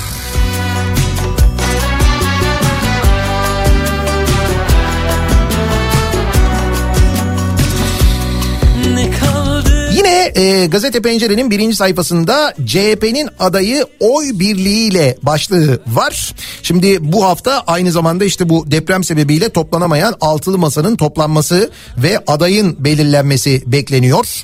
E, CHP Genel Başkanı Kılıçdaroğlu milletvekilleri deprem bölgesinde olduğu için parti genel merkezinde vekillerle online bir araya gelmiş. Grup başkan vekilleri Engin Özkoç, Engin Altay ve Özgür Özel toplantı sonrası açıklama yapmış. CHP grubu Cumhurbaşkanı adaylığı ve seçim sürecine dair bütün konularda sonra CHP Genel Başkanı Kemal Kılıçdaroğlu'na tam yetki verirken vekiller oy birliğiyle CHP'nin adayı Kılıçdaroğlu demiş. Aday ismi yetki belgesinde yer almamış.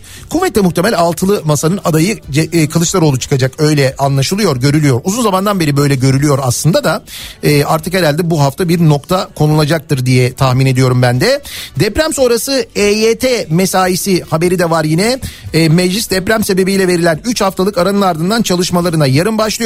Meclis Genel Kurulu'nda ilk düzenleme görüşülecek ilk düzenlemede yine EYT olacakmış. Bakalım EYT ile ilgili neler e, konuşulacak daha doğrusu bir değişiklik yapılacak mı? Şimdi de yaş şartından falan bahsediliyor biliyorsunuz günle ilgili bir kademe getirilmişti. Şimdi yaşla ilgili bir düzenleme yapılabileceği iddiası var. Hükümet yanlısı gazeteler yazıyorlar bu iddiayı içeriden aldıkları bir bilgiymiş gibi duruyor sanki.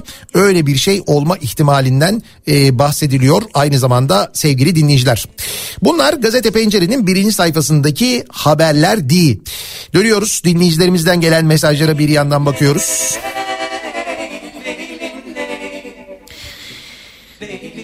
Alman medyasında çıkan bir haber. Almanya'dan giden çadırların üzerine AFAD logosu konularak verilmiş. Öyle mi? Öyle mi olmuş?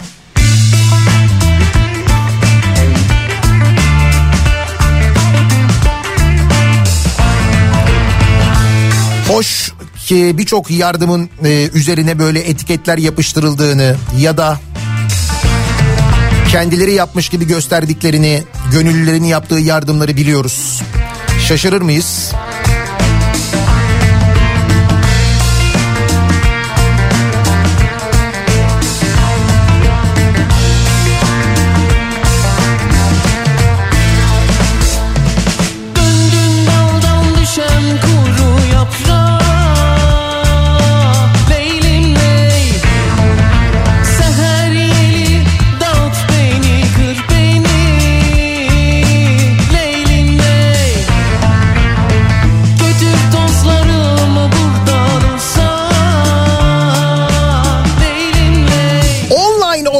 ama biz akademisyenlere online olmayan illa dersinizi okuldan anlatacaksınız diyen düzenden istifa ediyorum. Isparta'dan bir akademisyen göndermiş. Üniversitelerdeki tepkiden korktukları için üniversiteleri tatil ettiler biliyorsunuz. O yurt murt falan hikaye. Ama akademisyenlere diyorlarmış ki siz online değilsiniz siz geleceksiniz dersinizi buradan anlatacaksınız demişler. Okuldan anlatacaksınız demişler.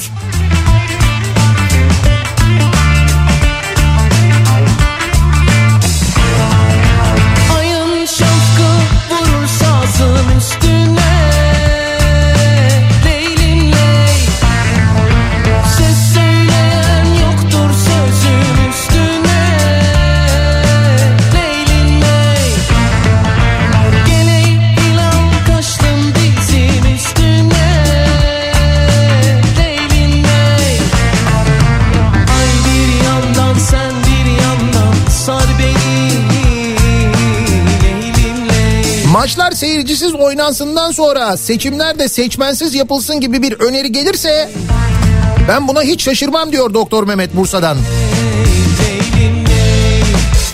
Öyleymiş. Maçlar seyircisiz oynansınmış gerekirseymiş. Devlet Bahçeli öyle demiş. Bakalım ne olacak göreceğiz. Kızılay bence bu işin son noktasıydı. Bir de maliyetinden verdik diyor.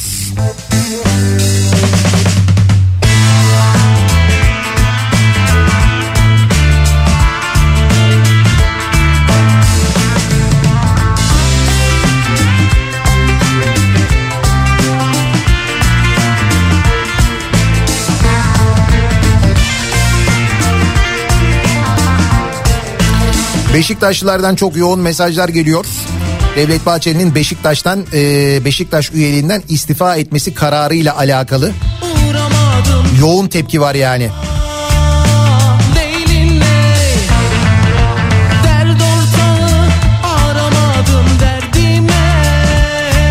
Tabii tepkinin türünü siz az çok tahmin edersiniz. Geleceksen Cumhuriyet gazetesinin birinci sayfasına bakalım. Çünkü bu Kızılay haberi Cumhuriyet'in haberiydi. Murat Ağırel'in haberiydi. Dolayısıyla fikri takip yapıyorlar ve e, bu haberi gündeme e, birinci sayfasından manşetten gelişmeleriyle taşıyor Cumhuriyet gazetesi. Depremzede günlerdir çadır bekliyor. Kızılay para kazanmanın derdinde.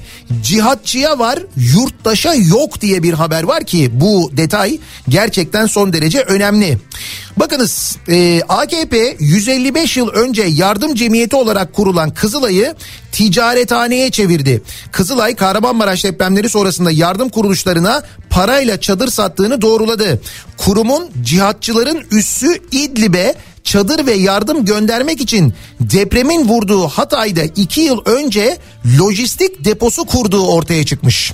Bakınız oraya çadırlar satılmamış. İdlib'e oradaki cihatçılara çadır gönderilmiş. O depodan iki yıl boyunca Suriyelilere yardım akmış. 200 bin çadır, 7500 biriket ev, 222 derslikli okul ve sağlık merkezleri yapan Kızılay depremden en çok etkilenen Hatay halkının taleplerini karşılamamış. Depremzedelerin günlerdir çadır ve yardım bekleyişi sürüyor diyor. Miyase İlktur'un haberi bugün Cumhuriyet Gazetesi'nin birinci sayfasında. Meğer kimlere ne yardımlar yapılmış? Hatta bunun bak mesela fotoğrafları da var.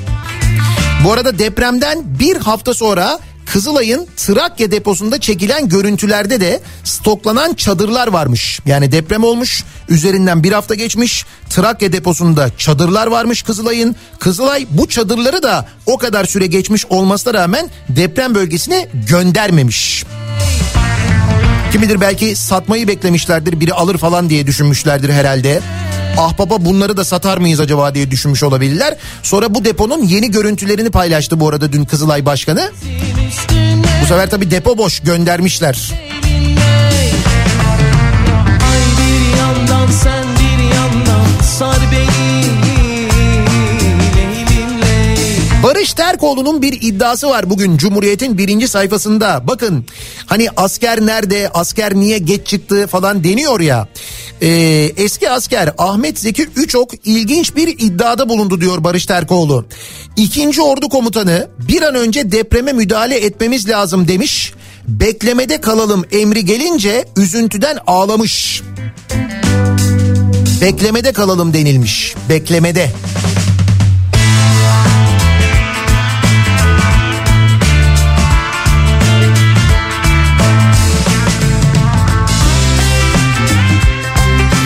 Çöken binalar sebebiyle AKP'li belediye başkanının tutuklandığı Gaziantep'in Nurdağ ilçesinde belediye binası içindeki evraklarla birlikte yıkılmış sevgili dinleyiciler. Böyle acil hızlı hızlı yıkılan başka belediye binaları da görmüştük hatırlıyor musunuz? Nedir bu? Delil karartma mıdır? Nedir? Dert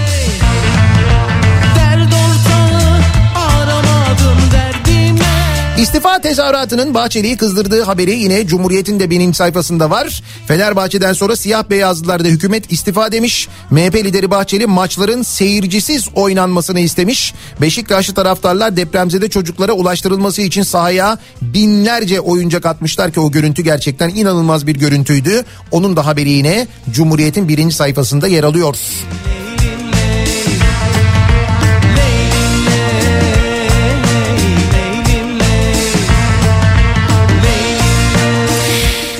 gazetesinin birinci sayfasına bakalım bir de asrın rezaleti manşeti var. Bugün bir gün gazetesinde Kızılay çadırları dağıtmak yerine satmış bu Kızılay haberi asrın rezaleti başlığıyla verilmiş bir gün gazetesi tarafından. Asrın felaketi denilen depremde sınıfta kalan Kızılay'ın Ahbap Derneği ve Türkiye Eczacılar Birliği'ne çadır sattığı ortaya çıkmış. Yaşananlara tepki yağarken bu arada binlerce yurttaş hala çadırsız.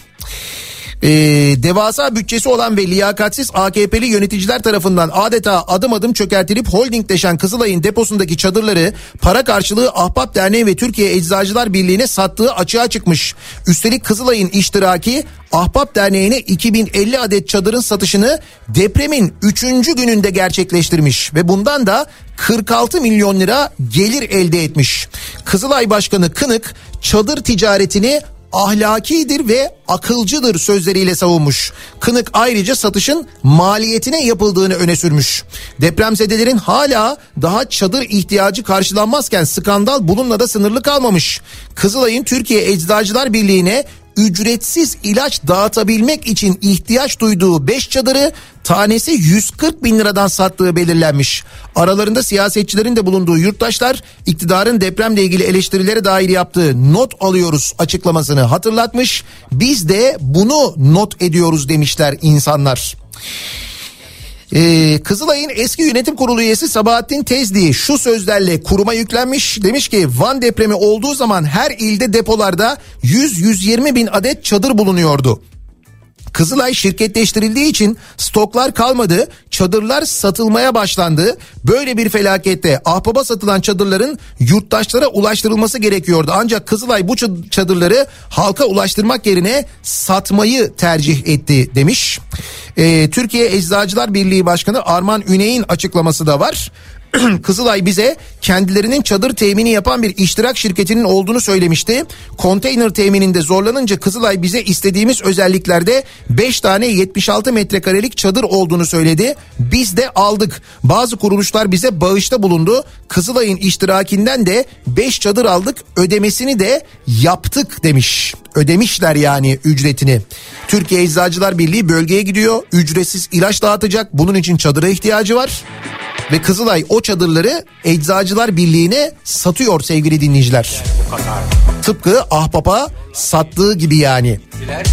Bir daha geri dönmediler. Fakat neden, niçin bilmem boruya üflüyorum gene ben. Düt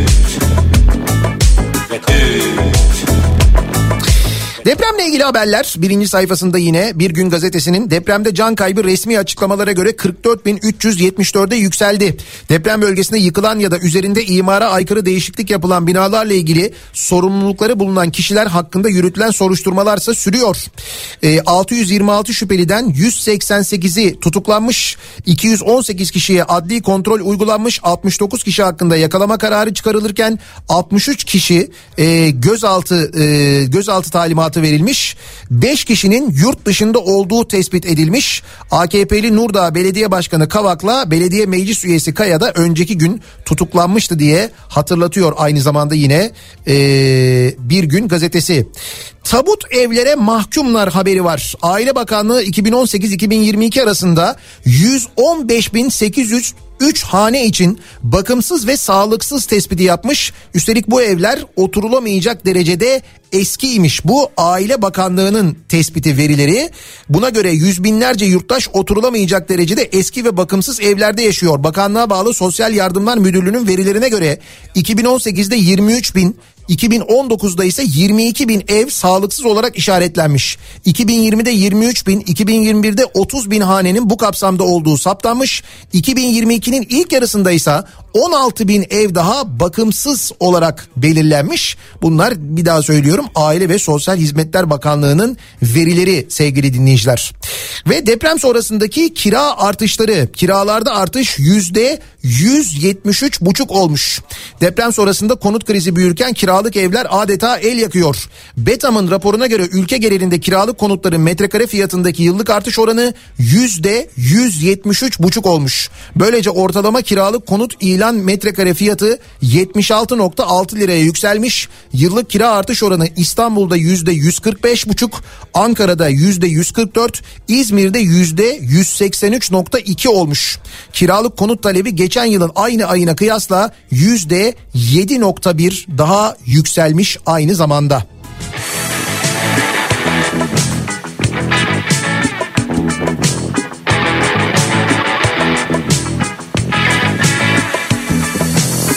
Nereye gider bu Katar? Diyorlar ki niceleri gittiler de bir daha geri dönmediler. Fakat neden, niçin bilmem boruya üflüyorum gene ben. Düt düt. İstifa ediyorum başlığıyla mesajlar gelmeye devam ediyor. Sosyal medya üzerinden yazılıyor. Şimdi dün Devlet Bahçeli'nin o çağrısı üzerine e, açıklama yayınlayan e, takımlar Çaykur Rizespor, Kayseri Spor, Alanya Spor bu takımların üyeliğinden istifa ediyorum diye yazanlar var mesela. Tepki gösterenler var. Taraftarlar tepki gösteriyorlar. Başımda bere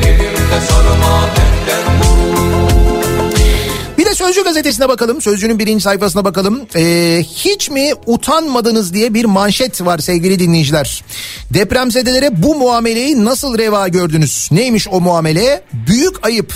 Üniversitenin moral kahvaltısında depremzedeler yerde protokol masada oturmuş. Ve bunun e, fotoğrafı var sevgili dinleyiciler. Nerede olmuş bu? Hakikaten çok acayip bir durum. E, yönetim masada oturuyor, depremzedeler yerde oturuyorlar. Yer sofrası kurulmuş. Zonguldak Bülent Ecevit Üniversitesi geçen hafta depremzedelerle dayanışma ve moral kahvaltısı düzenlemiş sevgili dinleyiciler. Farabi Camii'ndeki kahvaltıya depremden sonra kente gelen vatandaşlarla üniversite üst yönetimi ve belediye yetkilileri de katılmış. Ancak e, 300 kişi olan yaklaşık 300 kişi olan depremzedeler kahvaltıda yer sofrasına oturtulmuş. Aralarında rektör İsmail Hakkı Özölçer olmak üzere çok sayıda akademisyen ve yönetici ise kahvaltısını masada yapmış. Depremzedelere moral kahvaltısı 2 saat sürmüş. Üniversite kahvaltıya ait fotoğrafları kendi sosyal medya hesaplarından paylaşınca skandal ortaya çıkmış. Yani gerçekten çok ayıp ya. Çok ayıp bir de bunu kendi sosyal medya hesaplarından duyurmuşlar. Hiç böyle bir yanlış olduğuna dair en ufak bir düşünceleri de yok yani. Bunlar üniversiteyi yönetiyorlar. Fakat neden? Depremzedeye elektrik faturası gönderilmiş hem de zamlı gitmiş sevgili dinleyiciler. Afet bölgesindeki 10 ilde faturalar 3 ay ertelenmişti ama elektrik, su, doğalgaz faturalarının 3 ay erteleneceği açıklanmasına rağmen Diyarbakır'da depremzedeler zamlı fatura şoku yaşamış. DEDAŞ az hasarlı veya boşaltılan konutlara zamlı elektrik faturası göndermiş. Orada da bir utanma emaresi yok gördüğünüz gibi. Kızılay çadır satmış haberi yine Sözcü'nün birinci sayfasında. Peki siz utandınız mı diyor. Orada da bir utanma duygusu yok. Bırak utanmayı doğru iş yaptıklarını savunuyor bir de adam. Yani hiç böyle hani yanlış olduğunu falan düşünmüyor da yani. Beşiktaş taraftarı da istifa dedi haberi birinci sayfasında yine Sözcü gazetesinin. Fenerbahçe Konya Spor maçında sarı lacivertli taraftarlar hükümet istifa sloganı atmıştı. Beşiktaşlı taraftarlar da bu sloganı attı. MHP lideri Bahçeli dört büyük kulübe uyarıda bulundu. Beşiktaş üyeliğinden istifa ettiğini açıkladı diyor. Yine Sözcü'nün birinci sayfasındaki haber.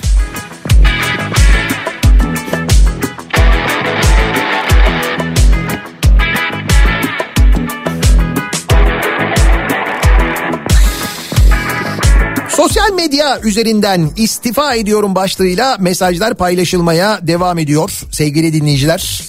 Hani böyle günlerdir istifadan falan konuşuluyordu. Ee, istifa eden bir tek Devlet Bahçeli oldu. O da Beşiktaş üyeliğinden istifa etti. Beşiktaş taraftarı hükümet istifa dediği için bu arada kızdı. O yüzden istifa etti. Sizin istifa ettiğiniz bir vasıf kurum var mı diye sorduk. Sosyal medya üzerinden dediğim gibi paylaşılmaya devam ediyor. Birazdan Kripto Odası programı başlayacak. Güçlü Mete Türkiye'nin gündemini, dünyanın gündemini aktaracak sizlere son gelişmeleri aktaracak. Bu akşam 18 haberlerinden sonra eve dönüş yolunda Sivrisinek'le birlikte yeniden bu mikrofondayız. Bu akşam Nihat'la Sivrisinek'e yeniden başlıyoruz. Amacımız elbette Nihat'la Sivrisinek'te moral vermek, biraz sizi gülümsetebilmek. Biliyorum herkesin psikolojisi çok kötü. Deprem bölgesinden de çok sayıda mesaj geliyor bize dinleyicilerimizden.